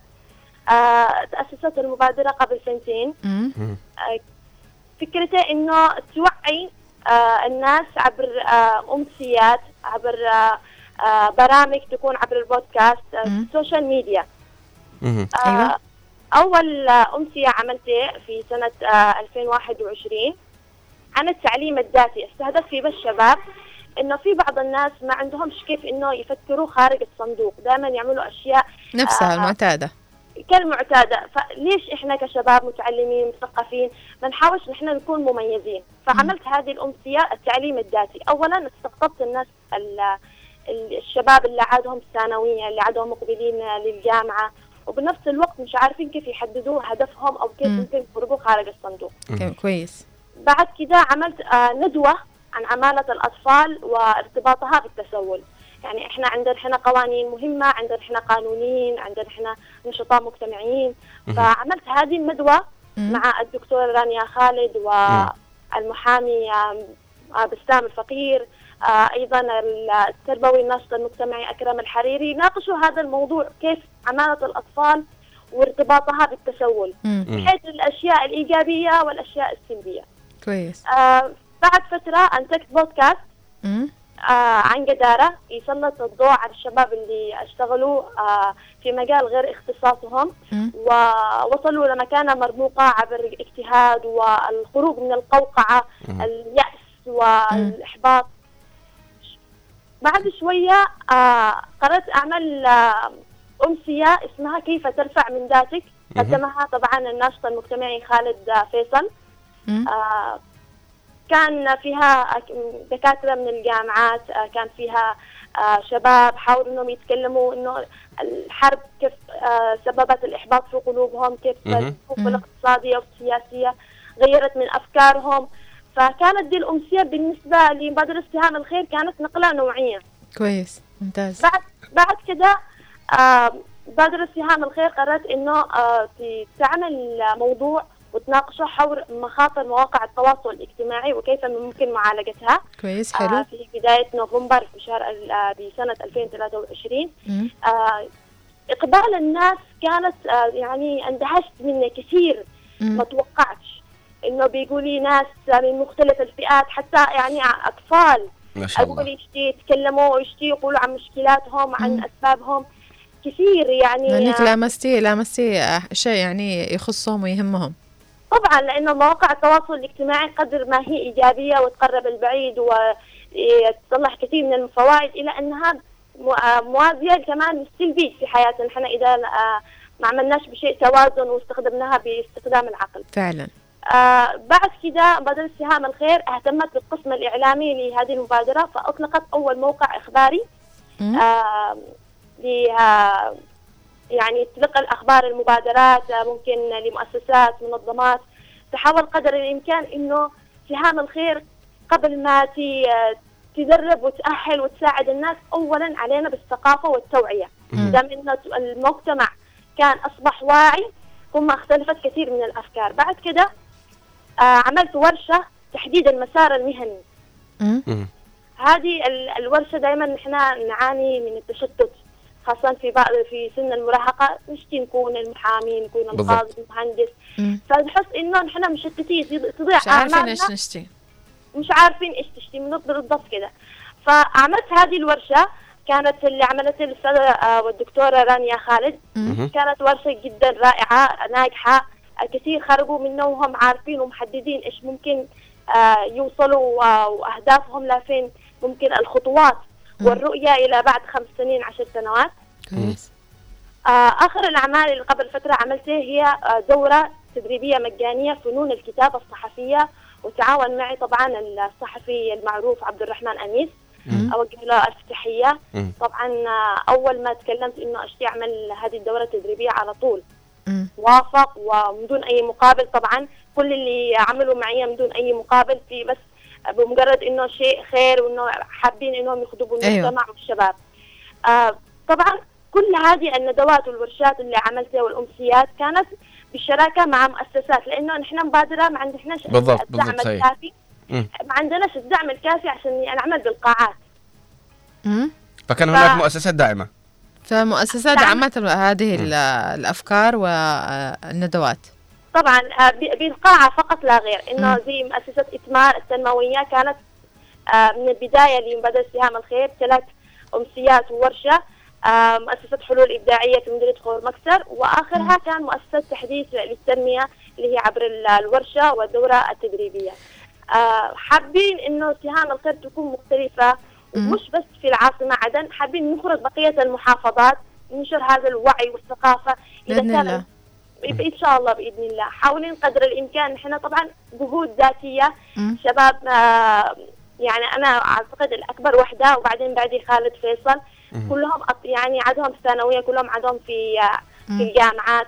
بس حابين إنهم أيوة. يقدموا شيء حلو للمجتمع. حابين يثبتوا أنفسهم خاصة بأفكارهم. إنه الشباب دائما يكون عنده آه يعني طاقة وعنده نشاط وعنده أفكار جديدة حابب إنه يس- يعمل ويصلح. طبعا.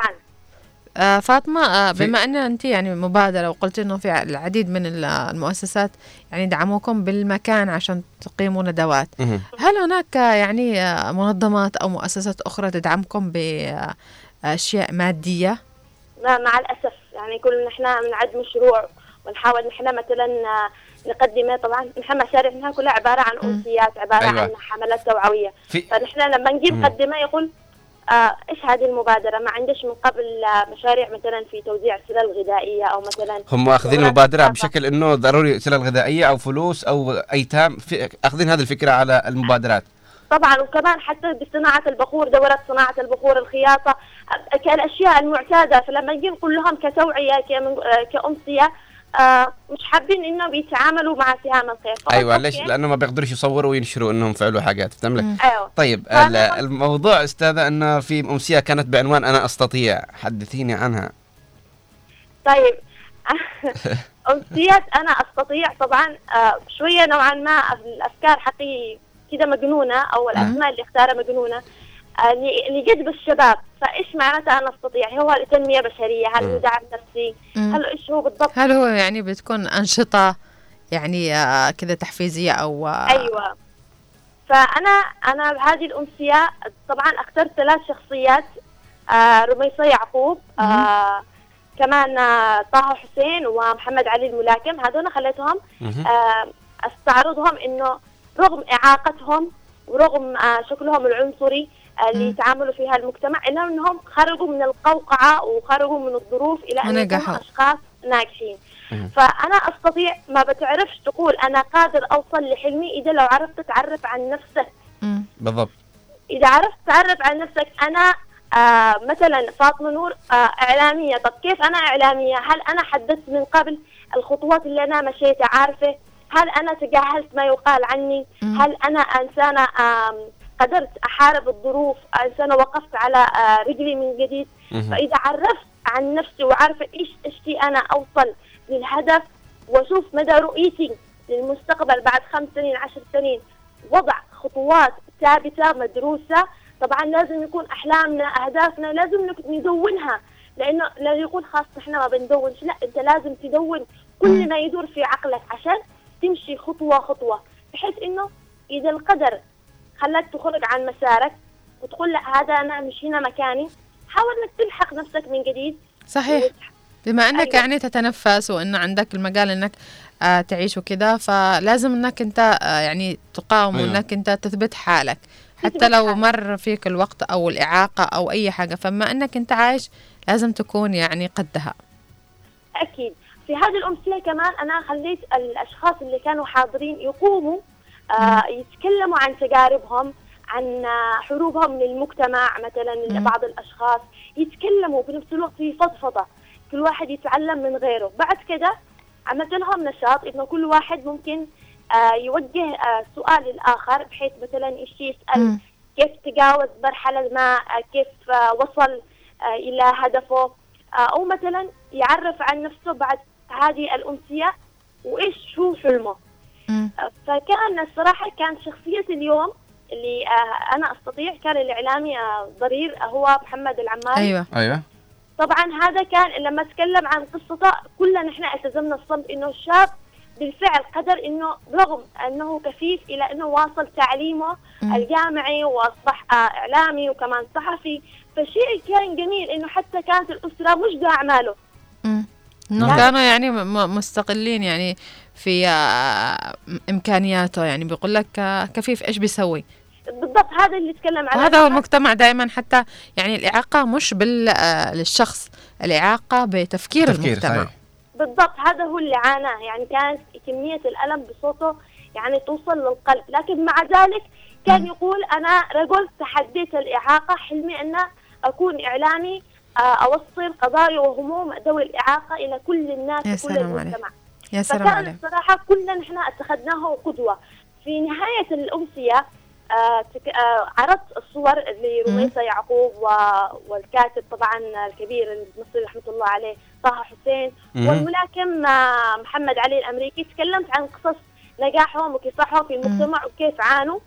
فبالنسبة يعني كانوا يقولوا ال- الموجودين في الأمسية إحنا كان فينا ال- الخوف كان فينا الخجل كان آه، تعورنا أو أن وقعنا من موقف معين فأصبحنا آه، على مكان نحن إحنا راضيين. لكن بعد هذه الامسيه نحن تغيرنا حسينا إنه في التفكير تغير لا الأوضاع بدأت تتغير تتغير. فكان شيء مفرح بالنسبة لي إنه قدرت ولو بشيء بسيط إنه أساعدهم وأحفزهم. إنه شاب بنت شابة صغيرة آه، تتكلم الناس كبار يعني يوصل أعمارهم إلى مثلا في 40 في 35 في 50 تحسوا إنه أنا عملت شيء إنجاز. صحيح. يعني قدرت أفيد غيري. صحيح. وهذا الشيء أنت اللي عملتيه يعني ال- ال- الندوة هذه وجبتي ناس يتكلموا عن تجاربهم شيء جميل بيحفز الناس اللي عندهم حابين إنهم يعني يخوضوا في غمار هذه التجارب ولكنهم يعني محبطين أو أيوة. الناس اللي من حولهم يحبطوهم. فانتم بتحفزوهم بتلاقوهم بعد فترة يعني ناس ناجحين بجد. طيب أستاذة فاط- آه، فاطمة إلى ماذا ترنو آه، مؤسسة سهام الخير؟ مبادرة سهام الخير نعم. طيب مبادرة سهام الخير أنا أفكر إن آه، خلال الأيام القادمة طبعا مم. بعد مع الفريق إنه أرجعها مؤسسة جميل أحاول قدر الإمكان إنه أدور على دعم ممكن يدعمني في في طبعا نحن الإيجارات نعاني من هذا عدن أكيد الجميع يعني منها فلما تجي انت تلاقي موقع وكمان تخليها مؤسسة أنت الآن لازم تعمل حسابك على ضرائب تعمل حسابك على تراخيص. ف مؤس... لو قلبتها إلى مؤسسة فبنفس الوقت آه ال- الناس اللي بيشتغلوا معك أكيد يحتاجوا إلى بدل مواصلات يحتاجوا بالضبط. إلى مثلا صحيح. فالشباب اللي معي ما شاء الله تبارك الله يعني حتى وأنا أعطيهم الدفع لإنهم يستمروا في العمل الخير وإنه بالنهاية هذه مش لاسم فاطمة وإنما لاسم المجتمع كامل لاساميكم يشتغلوا من قلوبهم ويقولوا نحن مش بحاجة يعني مثلا للمال. نحن حابين نحن نكون شيء في هذا المجتمع. ال- المجتمع يقدرنا انه الكلمة الطيبة أو تسليط الضوء هي بمثابة شهادة تقديرية للشباب. بالضبط. آه، المؤسسة إذا قلبتها آه، طبعا إن شاء الله بإذن الله هذا حلم. والحلم يحتاج له إلى صبر وعزيمة وإصرار اللي يتحول إلى حقيقة مثل بالضبط. المبادرة كانت فكرة وأصبحت حقيقة مم. فبعمل أشياء كبيرة وأكثر وأفكار آه، تفيد المجتمع إنه أستهدف الشباب لأنه الشباب دحين ثقافات تداخلت فيما بينها البين آه، تغيرت المفاهيم تغيرت العادات المعتقدات التقاليد فأنت لما بتيجي ترجع الشباب مثل ما كانت صحة وقوة وعزيمة وأحلام تصحى من جديد فأنت الآن ساعدت المجتمع في بنائه مم. بالضبط فقبل انت ما تاهل وتدرب عشان تعطي له شهادة اولا أهل عقله صحيح. ونفسيته عشان يدخل إلى سوق العمل هو قادر ومتحمل الأشياء اللي ممكن تحصل له. لأنه في ناس ما بتحب لك الخير ممكن تعمل لك حرب نفسية صحيح. فهل أنت قادر تدخل هذا السوق فأحيانا الواحد آه، برضه يحتاج إنه تأهيل زي ما قلتي تأهيل نفسي وتأهيل فكري. إنه كذا ولا كذا بتحصل ضغوطات بتحصل مضايقات فأنت لابد إنك تصبر مم. آه وتأهيل فكري إنه يكون واعي كيف يتدارك هذا الأمر كيف إنه ممكن يخرج من آه، مسألة إنه في ناس تضايقه وفي ناس ممكن تأذيه، فهذه من الأشياء الجميلة اللي سويتوها، إضافة إلى ذلك أنا الآن كنت أقلب في صفحة آه، آه، المبادرة. فألاقي صور وفي آه، كثير من الإعلاميين والصحفيين اللي كانوا متواجدين في بعض الدورات وكان لهم آراء ونشرت آرائهم في هذه الصفحة. فهو شيء جميل أنه جمع كثير من الأطياف وخاصة من الشباب في هذه المبادرة وكانت أو بالأصح أعتبر أنها خطوة جميلة آه، للفت انتباه الكثيرين. وإضافة إلى ذلك أنه كانت زي ما قلت العاملين على هذه المبادرة لا يبتغون لا جزاء ولا شكورا وإنما يعني خدمة للمجتمع وخدمة عشان الوطن. الوطن وعشان ربنا عشان الشباب. فإذا إذا كان هناك يعني زي ما قلتي إنك ناوية تحوليها إلى مؤسسة فأكيد بتلاقي كثير من ال- العراقيل لكن زي ما قلتي بالتأكيد. الصبر هو أهم شيء. طيب أنت آم، ال- ال- المبادرة هذه هل في فريق ثابت معك أم هناك فقط أحيانا كذا يجوا ناس يساعدوك أو إيش بالضبط؟ طب آه هذه المبادرة ما تأسست كنا فقط آه ثلاث أشخاص مم. آه طبعا هم أصغر مني بكثير اللي كانوا معي وآمنوا بالفكرة آه أبو بكر محمد وكان محمد جمال. آه محمد جمال طبعا أوجه له تحية هو طالب بس الوقت هو شعر إنه المبادرة كانت في بدايته وحس إنه عادي ما عملتش خطوة يعني الصبر كان عنده شوية قليل. فترك المبادرة فأصبحنا فقط أنا وأبو بكر اللي كنا نسعى إن إحنا نقدم أشياء يعني إحنا من النوع اللي آه، صبورين وكل خطوة نعملها يعني وإن كانت بطيئة إن إحنا مش مستعجلين يعني ندرس الخطوة أول بأول نحاول إنه هذه الخطوة لو عملناها إيش ال- السلبيات وإيش الإيجابيات؟ صحيح. هو العجلة دائما هي الإنسان المستعجل هو اللي ما يوصلش بسهولة. بالضبط. يعني آه، ما يوصلش. لكن إنك تعطي ال- لو طبخت طبخة مثلا خلينا نعطي مثال. لازم تصبر عليها وتحطها على نار هادئة. فما بالك بالأعمال هذه والندوات اللي تقام عشان عشان تقام. لازم تكون في هناك تجهيزات لازم في ترتيبات لازم في تنسيق. بالضبط. فكان ما عندوش الصبر.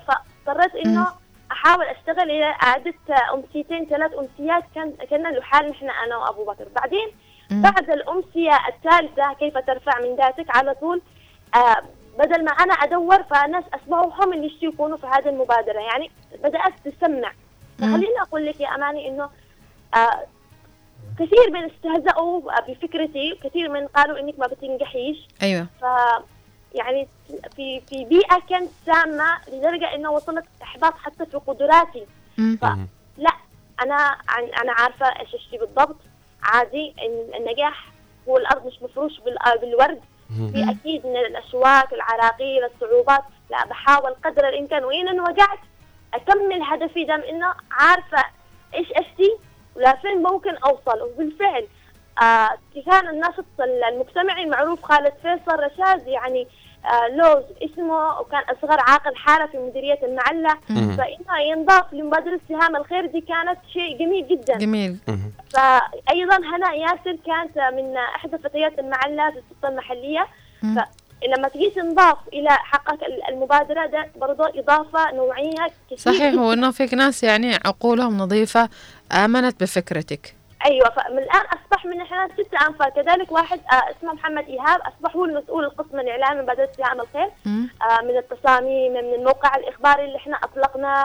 ومهتمين في الجانب الإعلامي إن إحنا مهتمين جدا فيه بالمنشورات بال- بالأخبار لأنه بنفس الوقت هي وجه صحيح. وكيف الناس بتعرفكم إلا من خلال يعني آه، منشوراتكم من خلال الاهتمام بالإعلام ويعني ال social media؟ بالضبط خاصة إنه آه لما كانوا ي- في ناس يقولوا لي طب ليش ما تعمليش ترويج لهذه الصفحة؟ مم. فأنا ل- ليش أنا أروج لهذه الصفحة آه وأنا عادنا في في بداية الطريق يعني وإن يا كان سلام. بس أنا في بداية آه. الطريق بالضبط آه الناس لما بتجي تعمل أنت ترويج أنت لك مثلا أعمال كثيرة جدا مم. أنت وصلت للخارج الناس لما بتجي تشوف صفحتك تشتي تشوف كل ساعة جديد أيوة إحنا عاد نحن بسم الله يا هادي. النجاح شوية شوية فلما جيت تعمل ترويج على أي أساس؟ لا أنا لازم أول حاجة تعمل يعني أساس متين بعدين تروج.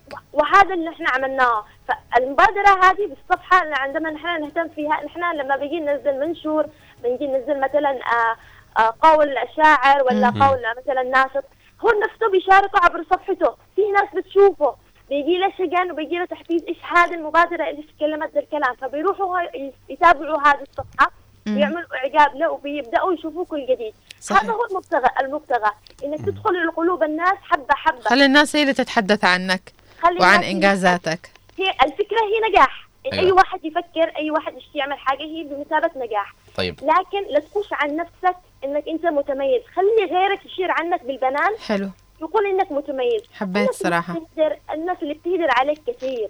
والناس اللي القال والقيل طبعا غاية الناس لا تدرك. بتحاول بالضبط. قد انك تنزل من قيمتك بتحاول انها حتى ما بتعرفك بتتكلم عليك بتقول عليك إنسان تافه بتقول أيوة. عليك مجنون بيقول عليك كلام وسمعة. مم. تجاهل.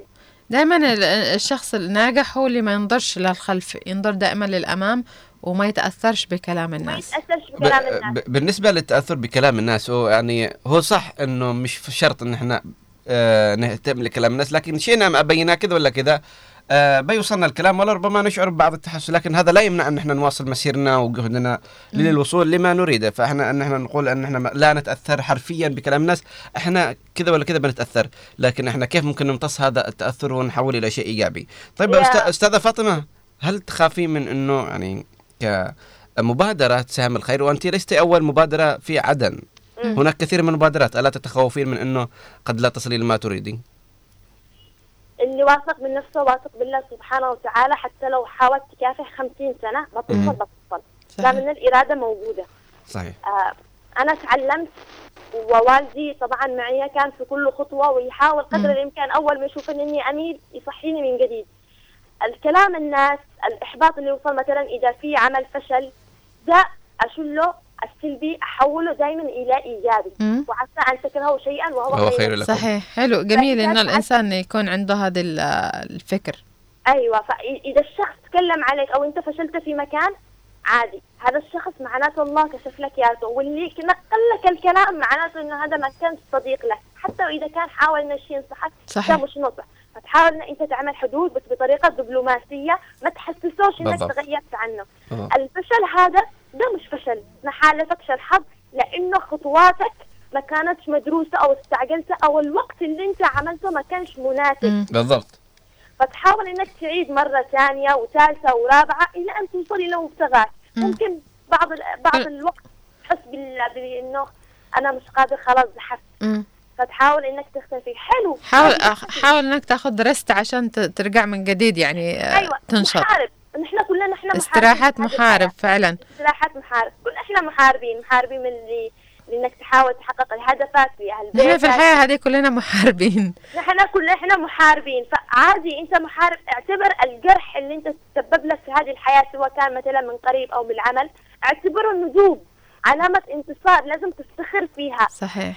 عادي لو لو شفت الناس مثلا ما تقبلتك عادي لو. أنت مش ناجح ما يكونش لك أعداء. صحيح. دائما دائما نقول إنه بما أن الناس يعني تذكرك وبما أن في لك أعداء بما أن الناس تبدأ تنتقدك أعرف إنك أنت وصلت. يعني إذا ما كانش أيوة. وصلت أنت كانوا ما بيذكروكش أصلا. بالضبط. خاصة إنه أنا آه، قلت لك مثل آه، يعني تواجهت إلى الاستحقار تواجهت إلى آه، الاستخفاف بهذه الفكرة نعم. وحد أؤمن فيه بي فأنا أؤمنت بفكرتي إنه ليش أنا ما أكونش مختلفة؟ مم. ليش أنا أكون دائما زي الناس؟ لا أنا بعمل شيء مختلف. هل في ذلك؟ والله. مم. إنه حتى لما دخلت في مجال الإذاعي آه، برضه واجهت استخفاف في آه، كيف طريقة تقديمي للأخبار كيف طريقة آه، صياغتي آه، كمان للكلام. آه، كيف لمنظر شكلي لل- لللبس. فقلت معلش. الناس ما بتنتقدكش ولا بتخرج عليك أصغر العيوب إلا وهم خايفين إنك يعني مركزين معك يعني اللي انت مركزين بحياتهم مركز- بحياتك أكثر من أكثر حياتك من مركزين حياتك. بحياتي. فليش؟ طبعا قبل فترة آه وجه لي سؤال لهذه المبادرة آه ليش أنت دائما تفعلي آه محاضرات أو ندوات في يوم مثلا آه لدكاترة أخرى أو لتربويين. فأحيانا أشياء حابب أقول إنه مش حاطة راسي براسهم وإنما أحيانا يكون الإعلان حقي نزل قبلهم أو تصادف إنه يكون معاهم فمش قصدي أنا مثلا أحارب أحد أنا ما أحارب إلا مثلا أنا أحارب نفسي في نفسي أنا أحاول إن مم. أقارن نفسي في نفسي آه. فأنا أحاول أتعلم من غيري أنا ممكن أكون آه بنفس اليوم إلى مثلا ندوة لمثلا قيادات أو مثلا. ناس معروفين مش قصدي إن أنا أحاربهم أنا آه ممكن أكون مختلفة عنك أو عنك في نفس الوقت. صحيح لازم نتقبل الاختلاف يعني بيننا وبين تخ... لا، الناس مع الأسف الشديد يا إنه تكون زيهم يا أنك عدوهم أيوه. أنت عدو. يعني وصل إن ليش الناس تكرهك؟ يعني وصل لي خبر إن ليش الناس تكرهك يا فاطمة؟ ليش الناس دائما ضدك؟ ليش دائما تهدر عليك؟ فأوكي خليهم يهدروا علي مش مشكلة. آه، إذا منهم قدامي يهدروا إن- يمدحوني ورائي يهدروا علي كلام معناته إنه حضوري يكفي إسكاتهم. صحيح. أنا إنسانة بإس... آه، اسكتهم بعملي أرد عليهم بعملي ما برد عليهم بلساني. فالعمل هو رد للعدو أيوه وخير دليل على أنه الشخص هذا متميز بعمله والاختلاف لا يفسد الود قضية. ليس معنى أنك كعمل زي ما قلت من بدايه من. بدايه من بداية الأمر عندما كانت تبحث عن أنه آه، تحتاج مؤسسة تمول أو يعني وزعتي مواد غذائية وزعتي سلل آه، كلها في في في أطفال بنجيب لك؟ انت مبادره. بودكاست لقاءات مع ناس. أو لا مش هذا مش we don't do this here يعني مش عارفين إنه المبادرات مختلفة. عندهم ولفوا على إنه إنه كيس دقيق فقط. وزيت وفلوس. لا. هذا اللي هو فاهمين على المدى أقول شيء. تفضلي. البودكاست صناعة من داخل البيت. يعني أنا صنعته داخل البيت عبر آه تسجيل جوال وموسيقى عادية وخليت ممتاز. يا سلام عليك. آه وأنا من النوع اللي ما ما اكتبش بورقة لما شيء أتحدث عن شخص. أنا بس أجمع المعلومات وعارف إيش صلحه وأبدأ تلقائيا أعبر عنه. أها. حتى المقابلات اللي صلحتها آه طبعا عملت حلقتين مقابلات آه صوت وصورة أه. للشاب خالد فيصل وكمان عملت لفريق مودرن كينج آه الشابة صفاء ومحمد كمال عبر تصوير جوال. أها. جوال وميكروفون الصغير هذا اللي يتباع على حاجة حق الجوالات اللي يسجلوها يا يا فاطمه يا. فاطمة بقول لك حاجة. إنه الإنسان مبدع اللي عنده فكرة اللي عنده رؤية اللي حابب إنه ينجح بينجح بأبسط الإمكانيات. والإنسان اللي اللي ما عندوش أي حاجة ولا عنده فكر ولا. عنده حتى لو كان جاب- جابوا له المعدات التقنية يعني اجدد حاجة وكده بيفشل. بيفشل. فأنت مهما كان ال- الأشياء اللي موجودة معك. مهما كان ال... ال... إذا الناس كلهم تخلوا عنك حابة أوصل رسالة إنه إذا الكل تخلى عنك حتى أقرب الناس لك إذا الكل انكشفت أقنعتهم أنت أؤمن بنفسك أؤمن بالله سبحانه مم. وتعالى وأؤمن بقدراتك وإنك قادر توصل مهما كان بالضبط. تستسلمش كافح قاتل آه يعني حاول قدر الإمكان إنك تنتزع هذه ال- ال- الحق من لقف الأسد إنك مم. أنا قادر أوصل هذا المكان. يعني هي موجود أسد في مكاني ممكن يعورنا؟ لا أنا بحاول أشوف إيش نقطة ضعف هذا اللي قدامي عشان أنا أو طريقه أو طريقة إنك تروضيه. عشان ترويض. يسوي لك اللي تريد. نعم. أيوة, أيوة. فأنت توصل لهدفك. أحيانا إنك توصل للهدف تقول لا هذا الهدف لسه مش مرضي. ال- الشغف إنك توصل أكثر وأكثر. فحلو. أيوة. أنت اللي تصنع لنفسك اسم آه، آه، تصنعه من من ذهب آه، تخليه بين ال- الحجار الناس كلها تعرف تنقشه. تعرف مين أنت من دون استخدام عائلتك من دون ما تقول خلاص طيب في إنسان رفضنا أو في مبادرة رفضتنا أو في مكان ما عرفش يقدرنا أو يحاول إنه يتلاكى عليك فلازم تعرف بنفسك إنه ما بتلاقيش ده كله الحرب إلا وإنت ناجح. فعشان تستمر بنجاحك طنش. نعم. حاول تتجاهل كل شيء. فالقافلة تسير. والكلاب تنبح نعم. تنبح. نعم آه، هل هناك رسالة أخيرة تحبي تقوليها أستاذة فاطمة؟ أوجه رسالة لرجال الأعمال وللقياديين وللنشطاء المجتمعين إنه آه، يحاولوا قدر الإمكان يكونوا يد العون للمبادرات خاصة المميزة والأفكار المختلفة لبناء هذا المجتمع. أيضا أيضا ال- الإعلاميين والقانونيين هم وجهان لعملة واحدة. فالمبادرات هي تكمل ما آه، آه، يدور في الإعلام وفي القانون. فإحنا ما مش قادرين إن إحنا نكمل خطوة واحدة إلا لو لقينا مساندة من قبل بعض الجهات. فأحيانا ممكن تقول لك مؤسسة ستوب إن إحنا ما بنقدرش إن إحنا نعطي لك قاعة إلا في مقابل مادي. أيوه بالضبط صحيح. انت ما بتقدرش تعمل مثلا أمسية في الشارع أو حديقة إلا بتراخيص وأنت هنا الآن بتلف بتدور الأمسية خلال يوم وأنت بت- بتقف تحاول تخرج ترخيص لمدة شهر.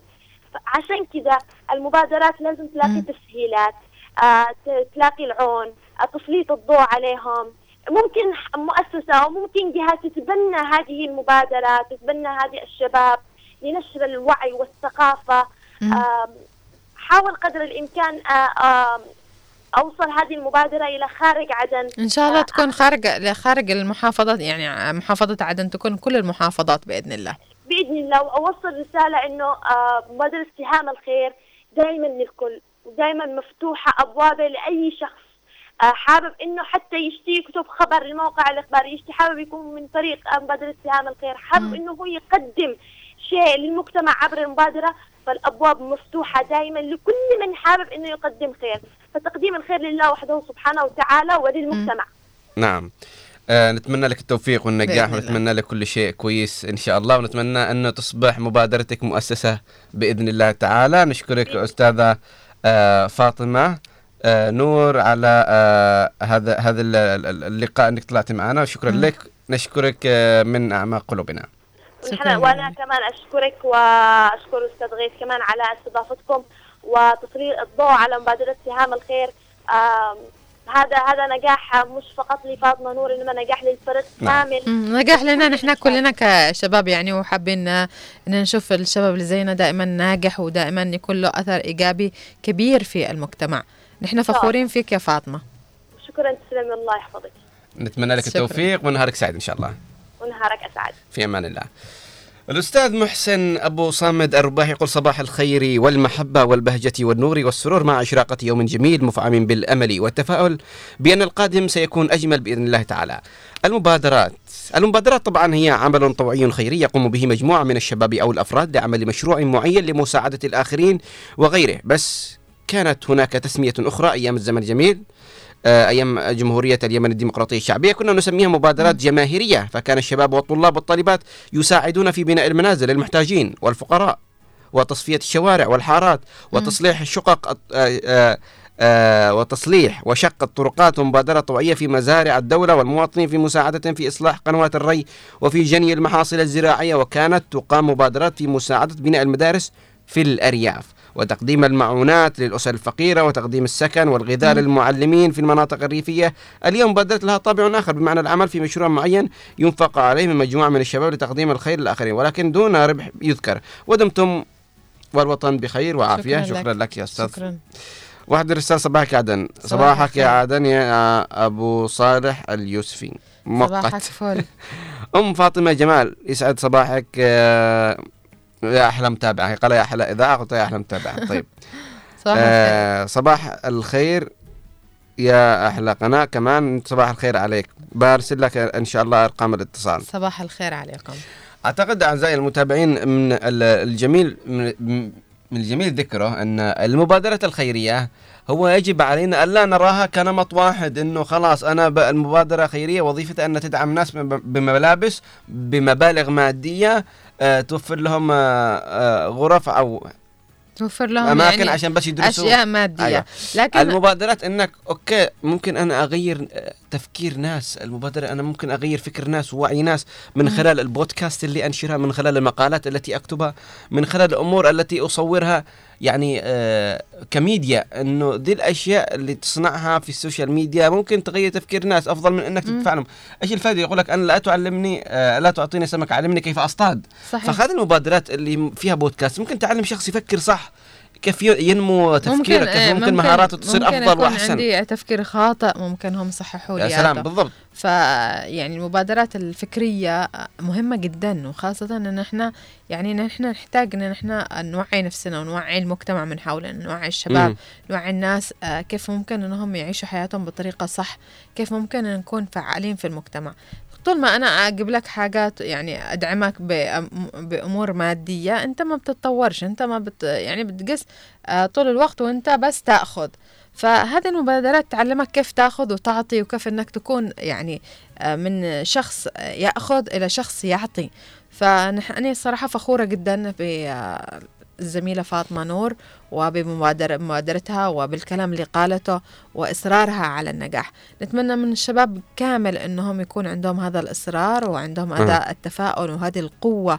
أنا أعتبرها قوة صراحة أنه مم. الشخص يعني عارف كل ال- المعوقات اللي بتوصل له تقول لك إنه أنا بفتخر إنه لو حصل لي جرح افتخر بالندب اللي بيسبب له هذا. الجرح. عبارة عن يعني كأنه تمشي وسام. تمشي واحد كأنه شيء. وسام نعم. يعني على يدي أو على قلبي على أو كذا تمشي خلاص. أي شيء يحصل تقول وريفر وتمشي وتوصل طريقها ما عندها صحيح. اي مشكلة إنها توقف عند أي أحد. هذول الناس بينجحوا بيوصلوا. أنا أبو شيخ آه، صالح محسن يقول صباح الخير أخي وأختي. آه، الاثنان يقول واثق الخطى يمشي ملكا الحياة ب- بطبيعتها مد وجزر.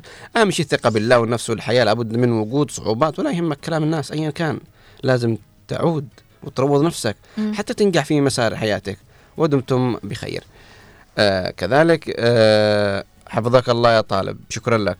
شكرا لك. يقول المبادرات مهمة في كل شيء. دائما هو كدين إسلامي المبادرات وما تقدموا إلى أنفسكم من خير تجدوه عند الله. مم. دائما الإسلام يحثنا على أن إحنا نبادر بفعل الخير، نبادر بإماطة الأذى، نبادر بصلح الناس، فإن لم تستطع فبلسانك، فإن لم تستطع بقلبك وذلك أضعف الإيمان، دائما تحدث التغيير بأشياء كثيرة وكثير من الأحاديث تدل على أن إحنا نبادر، وكثير من الآيات تقول لنا افعل وسوي، وكثير من الناس الصالحين كانوا هم المبادرين في فعل الخير. صحيح. أذكر في في قصة من القصص. إنه شخص أتى لعند جارة. فكان يطلب منه يقول له لو سمحت. أحتاج إنك آه، تعوني بكذا كذا تعطيني كم قرش. مم. قال له صاحبه أوكي أبشر. فدخل عند زوجته كان يبكي يبكي. يقول تقول له إيش فيك؟ قال أنا نسيت أمر جاري. فخليته يعني لحاله لدرجة إنه أتاني للبيت وما تلمست حاجته في بيته. ما تلمست حاجته مح- وخلاته يجي لعند داري يطلب مني. فأنا حزين كل الحزن على هذا الأمر. يعني قال بسبب جهلي وعدم تلمسي لحاجات جيراني وحاجته والسؤال اضطر إنه يأتي لبيتي ويطلب مني دي الحاجة. فأنا إنسان مقصر بحق جيراني.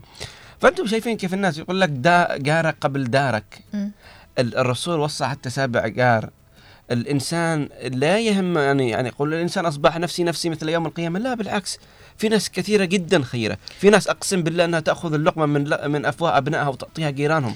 صحيح. فإحنا لابد أن نكون سباقين لفعل الخير. الأمر لا يقتصر على أنك تسوي مبادرة وضروري تكون مؤسسة أو تسوي أشياء علنية. أنت تقدر تسوي مبادرة أنت بحد ذاتك إنك تأمر أو أنك تبدأ أنت تصلح. مش شرط إنه يجتمع الناس. مثلا أنت بحي أنا كنت أحد المرات إنه أبدأ أنظف مكان معين ويشوفون الناس يستحوا فينظفوا معي. مم. فاحيانا أنت لما تسوي شيء أو فعل معين في مكان معين قد يراك الآخرون و- ويخجلون من عدم قيامهم بما تعمل فيقوموا يبادروا يفعلوا زيك. فأنت لابد أنك تكون الشخص اللي يغير من حولك. لابد أنك تكون صابر ولا تنتظر أنه يقولوا لك شكرا. يعني تسوي أشياء تقول أنا كل مرة أسوي وأفعل. طيب هل أمروك؟ لا. هل أنت مجبر أنك تسوي؟ لا. بس اللي سويت تقول مبادرة. حباً، فحبا حباً. لا تتأفف ولا تتذمر أنك. سويت ذي الحاجات. صحيح. فأنت طالما تسوي أشياء لوجه الله الكريم لا تريد لا جزاء ولا شكورا فابشر بكل خير. ونتمنى يا رب الناس التي تحب إنها تبادر في فعل الخير أول شيء ممكن تسووه إنكم تبادروا بتلمس حاجات جيرانكم. يقول جاري سيء جاري مش سيء هذا بالنهاية جارك وايا يكن. أدعو له إن ربي يصلح حاله وإنه يبتعد عن الأذى. هذا هذا نقول- شيء ممكن تقدمه أقل دائما نقول غيث إنه آه زي ما في الحاجات السلبية ممكن إنها تعدي وإنك أنت نحن. نحن نتعلم حاجات نشوف حاجات سلبية نقوم نقلدها. كمان حتى الحاجات الخير يعني والمبادرات الخيرية والأشياء الخيرية اللي ممكن نعملها نحن بيننا البين هي بتعدي. يعني إذا جاري أو شخص يعني كان مؤذي ويشوفني دائما أنا مش مؤذية أنا أتعامل مع الناس كويس والناس تحبني فأكيد أكيد بيحاول إنه يكون يقلدني ويكون زيي. بالضبط. حتى لو كان بالبداية ينتقدك حتى في كثير من الناس الناس اللي هم في كثير من الناس أنا. أنا أشوف ألاحظ إنه في كثير من الناس تنتقدك وتنتقد عملك وتنتقد أسلوب حياتك وتنتقد حتى لبسك وطريقة تعاملك مع الناس وبالأخير فجأة تلاقيهم قدام يعملوا زيك. اذا هو انتقادهم بس فقط لأنهم كانوا بس مستغربين من من منك أو إنهم يعني مش متوقعين إنه في حد زيك كده. بعدين في الأخير طلعوا إنهم يكونوا زيك.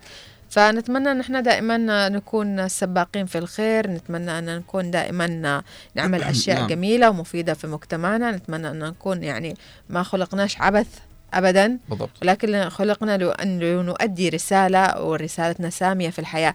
هي البناء والتعمير ويعني نكون ناس مؤثرين في حياة الناس. نعم. شكرا لك يا أم قاسم وشكرا لك يا أم أحمد وشكرا لجميع من سمع استمع وجميع من شاهد وجميع من شارك. أشكركم دائما وابدا على وقتكم الذي لا يقدر بثمن. وأشكر كذلك ضيفتنا وأشكر آه الكل بدون آه تخصيص. آه كان معكم من الأعداد والتقديم. أماني مجمل. وأنا غيث أحمد ومن الإخراج الإذاعي نوار المدني والإخراج التلفزيوني أحمد محفوظ ومن المكتب والتنسيق محمد خليل ومن البلاي أوت الزميل حسن السقاف. وأقول لكم دمتم ودام الوطن الجنوبي بألف خير. إلى اللقاء. إلى اللقاء.